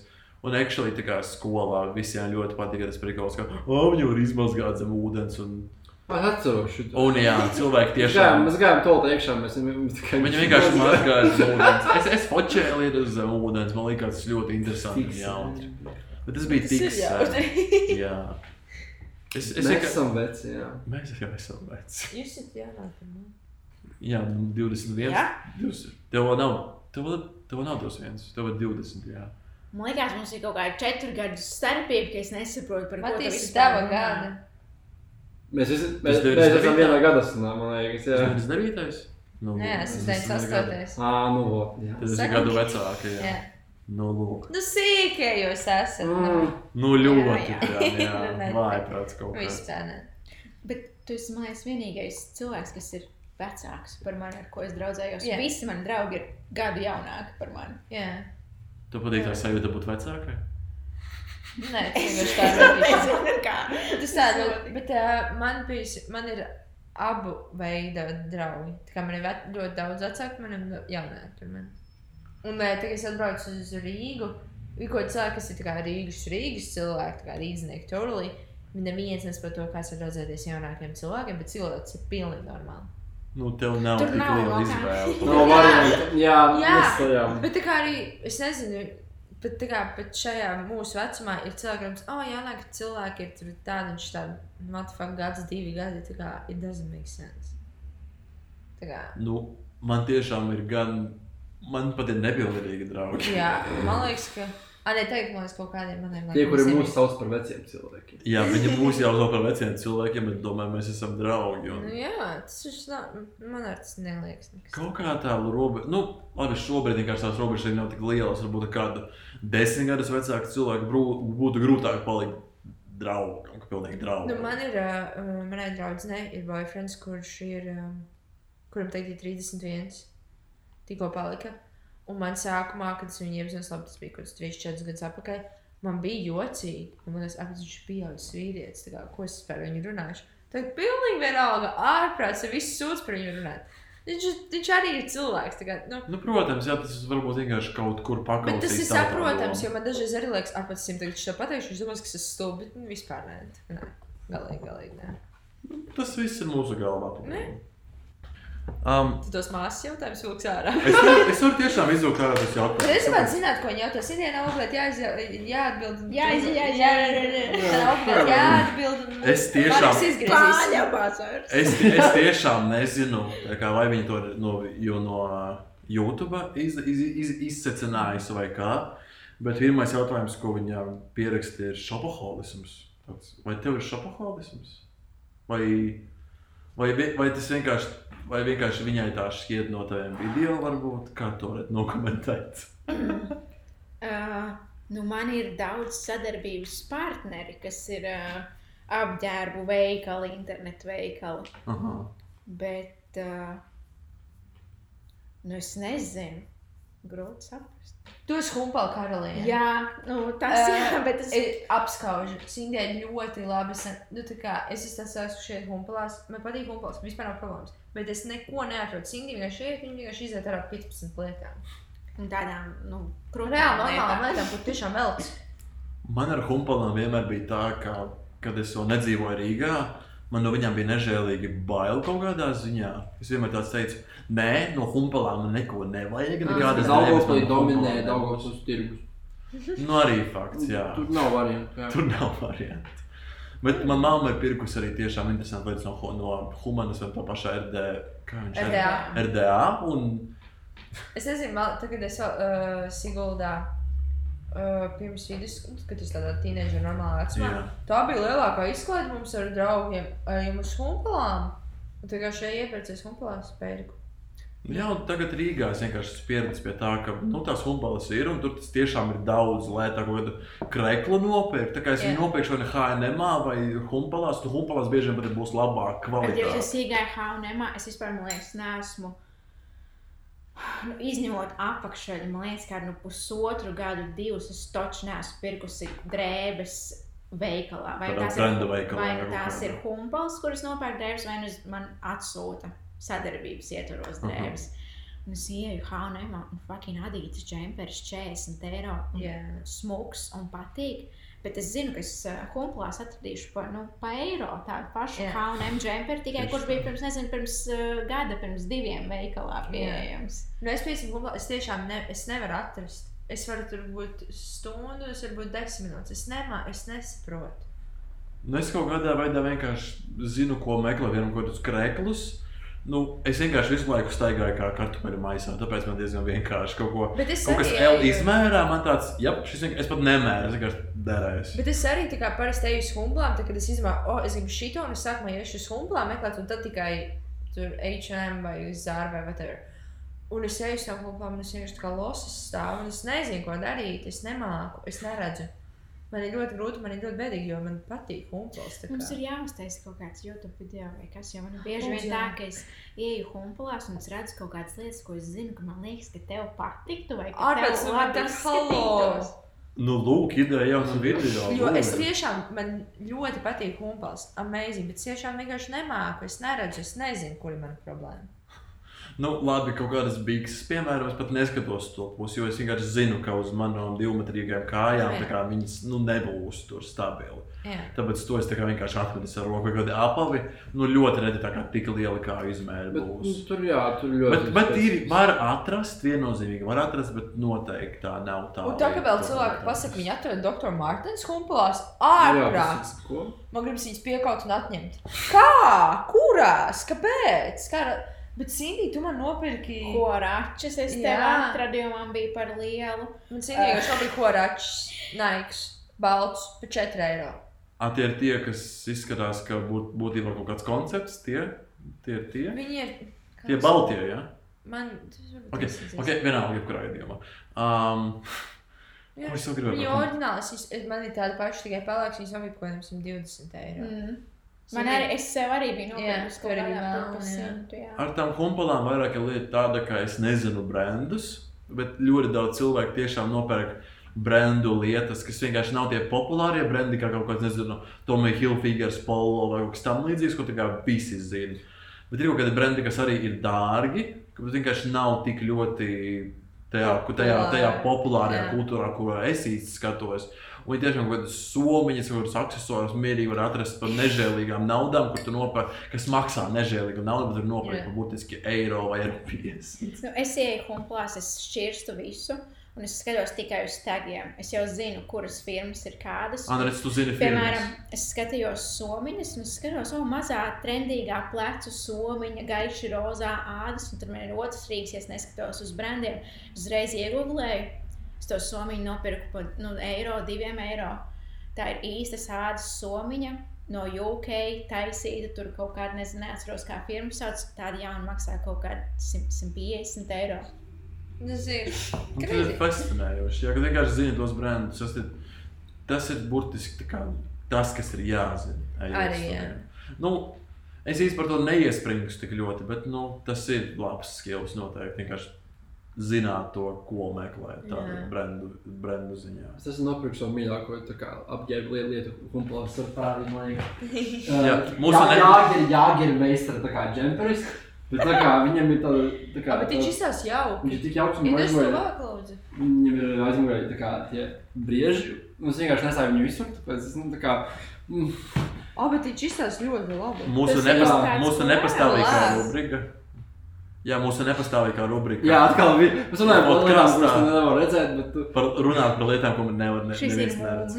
Šis, šis, šis ir priekš mums pieciem. un man ir tā, ka, man ir tā kā žēl viņu pārāk daudz nesāt, bet tā kā man tajā pašā laikā gribās viņu visur nesāt. Vai viņš humpalās? Viņš Jā. ir humpala lieta, jā. Ļoti smags džempers. Humanā. Šis tādus arī nopirkt. Good arts. Nu, Bet es tādu nekad nepamanīju, jo es esmu akla humpalās. nu, Labi, Sīdīgi, mēs iesim uz humpalām. Tagad dzīvo Rīgā. Mums ir vintage humanas šeit divas. Vintage human tur, vintage human tur. Human tur. Tu, Tev- ja, tu šobrīd to cauri grīdai, tad nonāktu pirmajā Vintage stāvā human- humanā. Humanā, jā. Mēs Zem mums esam ir jā. centrālā. Un tur vēl ir kilomaks. Jā, te viss, es dzīvoju pie kilomaksa, tā kā. Nu, redz, tā kā humpalas ir visapkārt. Uz kilomaksu ir jāiet. staigāt par Rīgas kilomaks kilomaks arī- nevienam nebūs ko nopirkt vairs. Kilomaksā arī iet mēnešu beigās, jo tad vislētāk. To es zinu. Es biju vienreiz iegājis, eh, es kā es gāju uz mājām, uz dzīvokli no rīta. Tas bija pirmdiena, un es gāju gar vintage humanu. Kaut kādā pir- Pirmdienā, 10 no rīta, vai, nu, vai bija tieši pieveduma diena. Cilvēks Un tam tur bija pilns vienkārši iegāja tāds, fuck, es negribu laikam iet iekšā. Jā. Tagad tur stāv rindā, tāpēc, ka nedrīkst, tur noteikti tas skaits, ka Covid. jā. 21 cilvēks man šķiet, jā. Nezinu, cik, bet jā. Un Tur kaut kādas sienas ir uz, uz ielas. Tur cilvēki, ir tas cilvēks stāv rindā, vintage humans. Tu man sūtīji bildi. Jā. Nu, tieši tāpēc tur nerādos. Tā kā es stabili gribu aiziet, beidzot es saprotu, ka man vajag mest ārā pāris drēbes, jo viņas jau ir. Zini, Nu, ka jāiet ir kaut kādā rītā, nu, kad pārstāv bērni ir skolā, vienalga online, ne? Un uh, tad, kad ir vislē, nu, nosīt vislētākās summas, Mm, nu, es nezinu, ka, vai es spēšu pamosties no rīta. Da. mēs tev piezvanīsim. Tas ne, nestrādā. Matīs, Tas nestrādā. Zvanu modinātājs, viņš vienkārši guļ. Jā, es viņam zvanīju arī tagad, kad mēs nācām vakarā, viņš vairs necēla. Jā, man bija uzlikts pat, labi, jebkurā gadījumā. Es, ne, es negribu šobrīd par to beigties. Next question. Um, sliktākais reklāmas piedāvājums. Vai, bija, bija, vai ir bijis kaut kāds piedāvājums, ko, tu- ko, ko, ko tu lasi un tāds, jūs ņirgājaties par mani, vai šis ir prāms? ļoti daudz. Kā kaut kas, kas tiešām tā kā pirmais, kas nāk atmiņā, varbūt ir kaut kāds ļoti fuj, fuj, fuj moments. Man pašam pilnīgi interesanti nezinu. Um, nu, nav bijis. Nu, tas jautājums izklausās pēc tāda, nu, kas tāds brands, kas neiet ar mani kopā. Bet uh, es nezinu, patiesībā bijuši liekas, gana daudz kaut kādas sliktas pieredzes ar kaut kādām Jā. sadarbībām. nu, noteikti. Es vienkārši nezinu, kas saskāries, bet jā, ar to tiešām vai- darbojas pilns tādu piedāvājumu. Es nezinu, pirmais un tāds vis, visbēdīgākais uh, gadījums bija, man bija uh, sadarbība ar vienu brendu, ko es neteikšu skaļi, bet bija norunāta sadarbība, bija parakstīts līgums, bija jāuztaisa divi, trīs YouTube video, Instagram posti, story, viss notiek, pirmais mēnesis ir publicēts. Es aizsūtu uz apstiprināšanu otro savu YouTube video. Mm. Viņi tur ilgi neatbild, uzrakstu to vēlreiz, vai viņi ir saņēmuši manu e-pastu. Un viņi atbild, ka es neesmu pietiekoši dzīvespriecīga tajā video, esmu pārāk depresīva, tas neiet kopā ar viņu zīmolu. Un viņi man atsūtīja, es nezinu, kā to papīru sauc, bet, nu, kad sadarbība ir beigusies, un abas puses vienojās, ka neturpinām sadarbību. Vienkārši sadarbības vidē, fui, vidē. sadarbības vidū, kad ir parakstīts līgums par trīs mēnešiem uz priekšu, kur ir tāda un tāda samaksa, ir Jā. otrais mēnesis, un uh, video ir pārāk, esmu pārāk depresīva. Un tā, un tāds, ok, labi, es viņiem tur atbildu, ļoti žēl. Man liekas, ka viņi jau pirmā, es pārfilmēju to video, to es atceros, es sūtīju otro variantu. Wow. saku, vai šis ir labāk. Viņi, un tad viņi uzrakstīja man e-pastu, kur viņi ļoti personīgi, man liekas, tā sieviete bišķiņ pāršauja par strīpu. Es tagad neatceros vārdos, kā viņa uzrakstīja, bet es atceros, ka viņa nu, tā ļoti personīgi man aizskāra ar to, ka pasakot, bez mazliet tādu bišķiņu naidīgu, cerams, ka tev paliks labāk un kaut ko tādu. Tā kā, un tas bija, man liekas, viss stulbākais gadījums, jo tas aizskāra nu, tādu man mentālās veselības pusi, kur sadarbība pārtrūks tikai tādēļ, ka es neesmu pietiekuši dzīves Ko priecīga. gribēji tur dansu arī? Nezinu, nu, tā bija ļoti stulba. Ārprāts biča. Okay, tas skan ļoti fantastiski slikti. Jā. Wow. Teicu, man dažreiz liekas, ka man taču jābūt oficiāls Indijas menedžerim, kā es dirstu šiem cilvēkiem. Tas Da. nav I profesionāli. mean, tu jaukai. Nē, jauki. Es tā kā viņam ar pretjautājumu. Vai jūs? Ah, ko jau? Vai jūs apuļ? Wow. Nu, šis gan diezgan. Bet tas ir šausmīgi, ka tie cilvēki, kas uh, piedāvā tās sadarbības, viņi jau pasāja no, vai no nu, evē, tie pasāja pieauguši cilvēki, kuri strādā jau cik gadus, un dažreiz liekas, ka viņi tiešām no, tikko no alas ir izkāpuši ārā. Viņi, Mm. nu, viņi nav cilvēki, jo viņiem liekas, ah, tas influenceris, tas nozīmē, ka tagad tu visu laiku tur smaidīsi. Jā, jā, vienkārši būs. Tev nav dzīve, Tu un jau esi tas- vajag. Tu jau esi tas 20 gadīgais duraciņš ar kameru Jā. savā istabā, kur Jā. vienkārši kur tādiem pašiem duraciņiem patīk skatīties. Jā, un tā- Viņam noteikti tāds minds šobrīd. Jā, ļoti daudz cilvēku tā tiešām domā, viņiem liekas, ka tu piedod, Cindy, pieņemsim, ir kaut kāda losa, kur sēž kameras priekšā. Un tas ir ļoti, ļoti šausmīgi. Nu, tas ir ļoti. Nu, Tāpēc es arī saprotu, ka ir tie cilvēki, kuri kaut ko sāk tur grūšīt uz Indijai publiku, nu, tā kā mēs esam ārā vai vienalga. Jo es uzreiz tāpēc, ka kaut kādā ziņā tas man, mani personīgi arī aizskar, jo tā kā Indija man viena no labākajiem draugiem, tā kā kaut kādā ziņā man uzreiz tāds. Es esmu līdzīgi kā viņam, fuck, that neaizsēdz viņu. tā kā Nu, tev nesaprotu. vēl liels pluss tas, ka tu, tu esi tas, tas draugs mamma visiem. Tur vēl tas ir plusā. Tu esi tev, Nezinu, vai tu, tas ir pluss. tu, tu, tur tas tavs.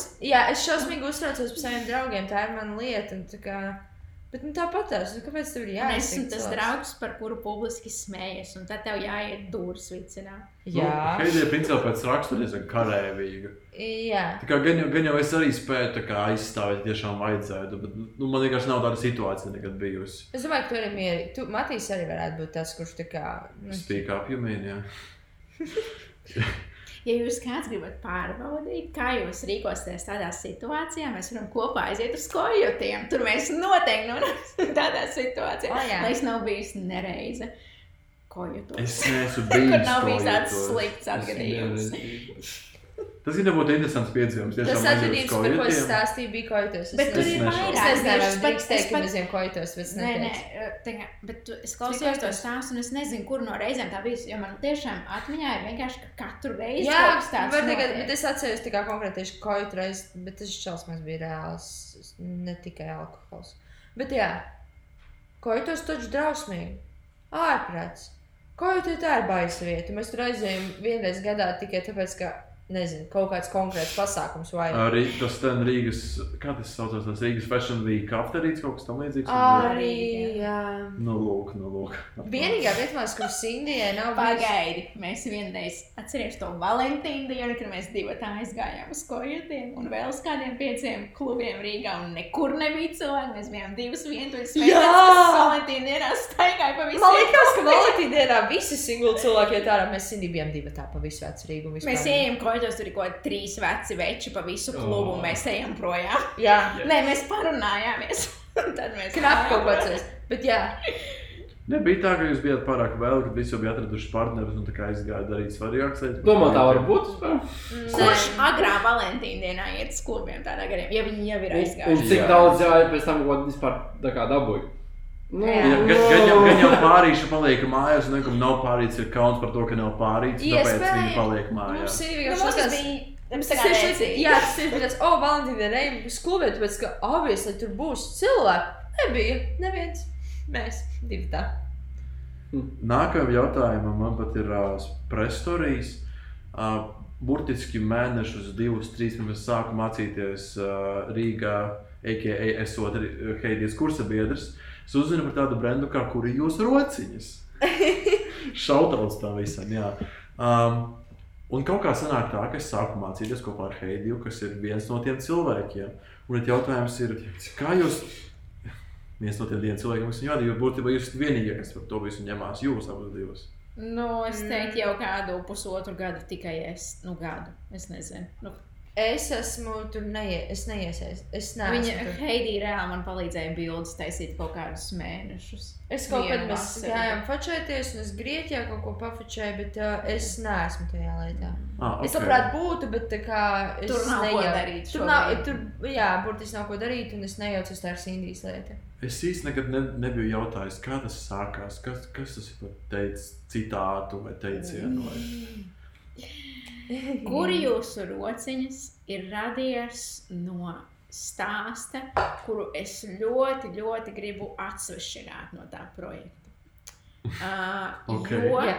tas oriģinālais stāsts, tas teiciens, ar ko tas viss tas bija. Nu, kur jūs rociņas bija tāds projekts, ko tu kā ar draugiem pēkšņi izdomā, ka tu gribi kaut ko izdarīt, vai ne?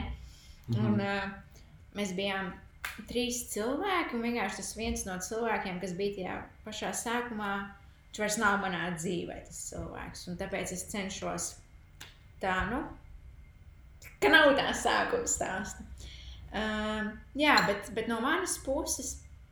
Man liekas, šausmīgi krūti, ka youtuberiem ir kaut kādi mērķi un tā tālāk. Un, un tajā laikā jau visi bija youtuberi izdevuši savas grāmatas un visu kaut ko tādu. Un mērķi šopi katram ir nu, ne Latvijā. Un, uh, man vienkārši vienmēr ļoti gribējies uztaisīt kaut ko savu. Un es zināju, ka tas nebūs mērķis, tas nebūs nekas ar manu nevārdu, ne seju, jo man tas likās ļoti cringy. Un es gribēju uztaisīt tēkļus, jo man liekas, tas varētu būt vienkārši. Un to varētu tās, kur jūs rociņas varētu arī pirkt un nesēt cilvēki, kas nezina mani, jo tas nav nekāds čautas Sindija vai Sindija vai kaut kas tāds. Vēl jau es, es vienmēr domāju, kāpēc tie ir Sindija Lau. Bet es uzzināju tavu uzvārdu. Un es viss- saprotu, ka plauktiņos. vienkārši salikās ar plauktiem. Jā, ka cilvēkiem noteikti būtu grū, grūti uzzināt Loz, Loz, ak, Lozgačova. Lozgačova, jā, ļoti sarežģīti. Un tas noteikti ir tas stāsts, ka, kāpēc Jā. tieši Lo. Jā, vienkārši saīsinās. Bet skan ļoti labi kopā ar Sindiju Lovu. Jā, Tā kā, nu, man liekas, tas, ļoti, ļoti forši. nu, tas jau ir Bet ierasts. tu to vairs neizmanto vispār. Nē. Kāpēc? Man liekas, ka es vairs neesmu Sindija Lo. Ah, ok. Man liekas, Sindija Lo bija man pirmie Jā. 4, 5 YouTube gadi. She's dead. Yeah. Tas She can't come to the phone right Jā. now. Oh, man, Oh, so good. wow. Šis bija ļoti- ļoti interesants referents. Es negaidīju no tevis ko tādu. Jā, ļoti labi. Apēc šis ir brīnišķīgi. Ai, Uz šīs interesantās nots mēs varētu beigt šo podkāstu. Porši, visu labu! Stundas forši jums montēšu.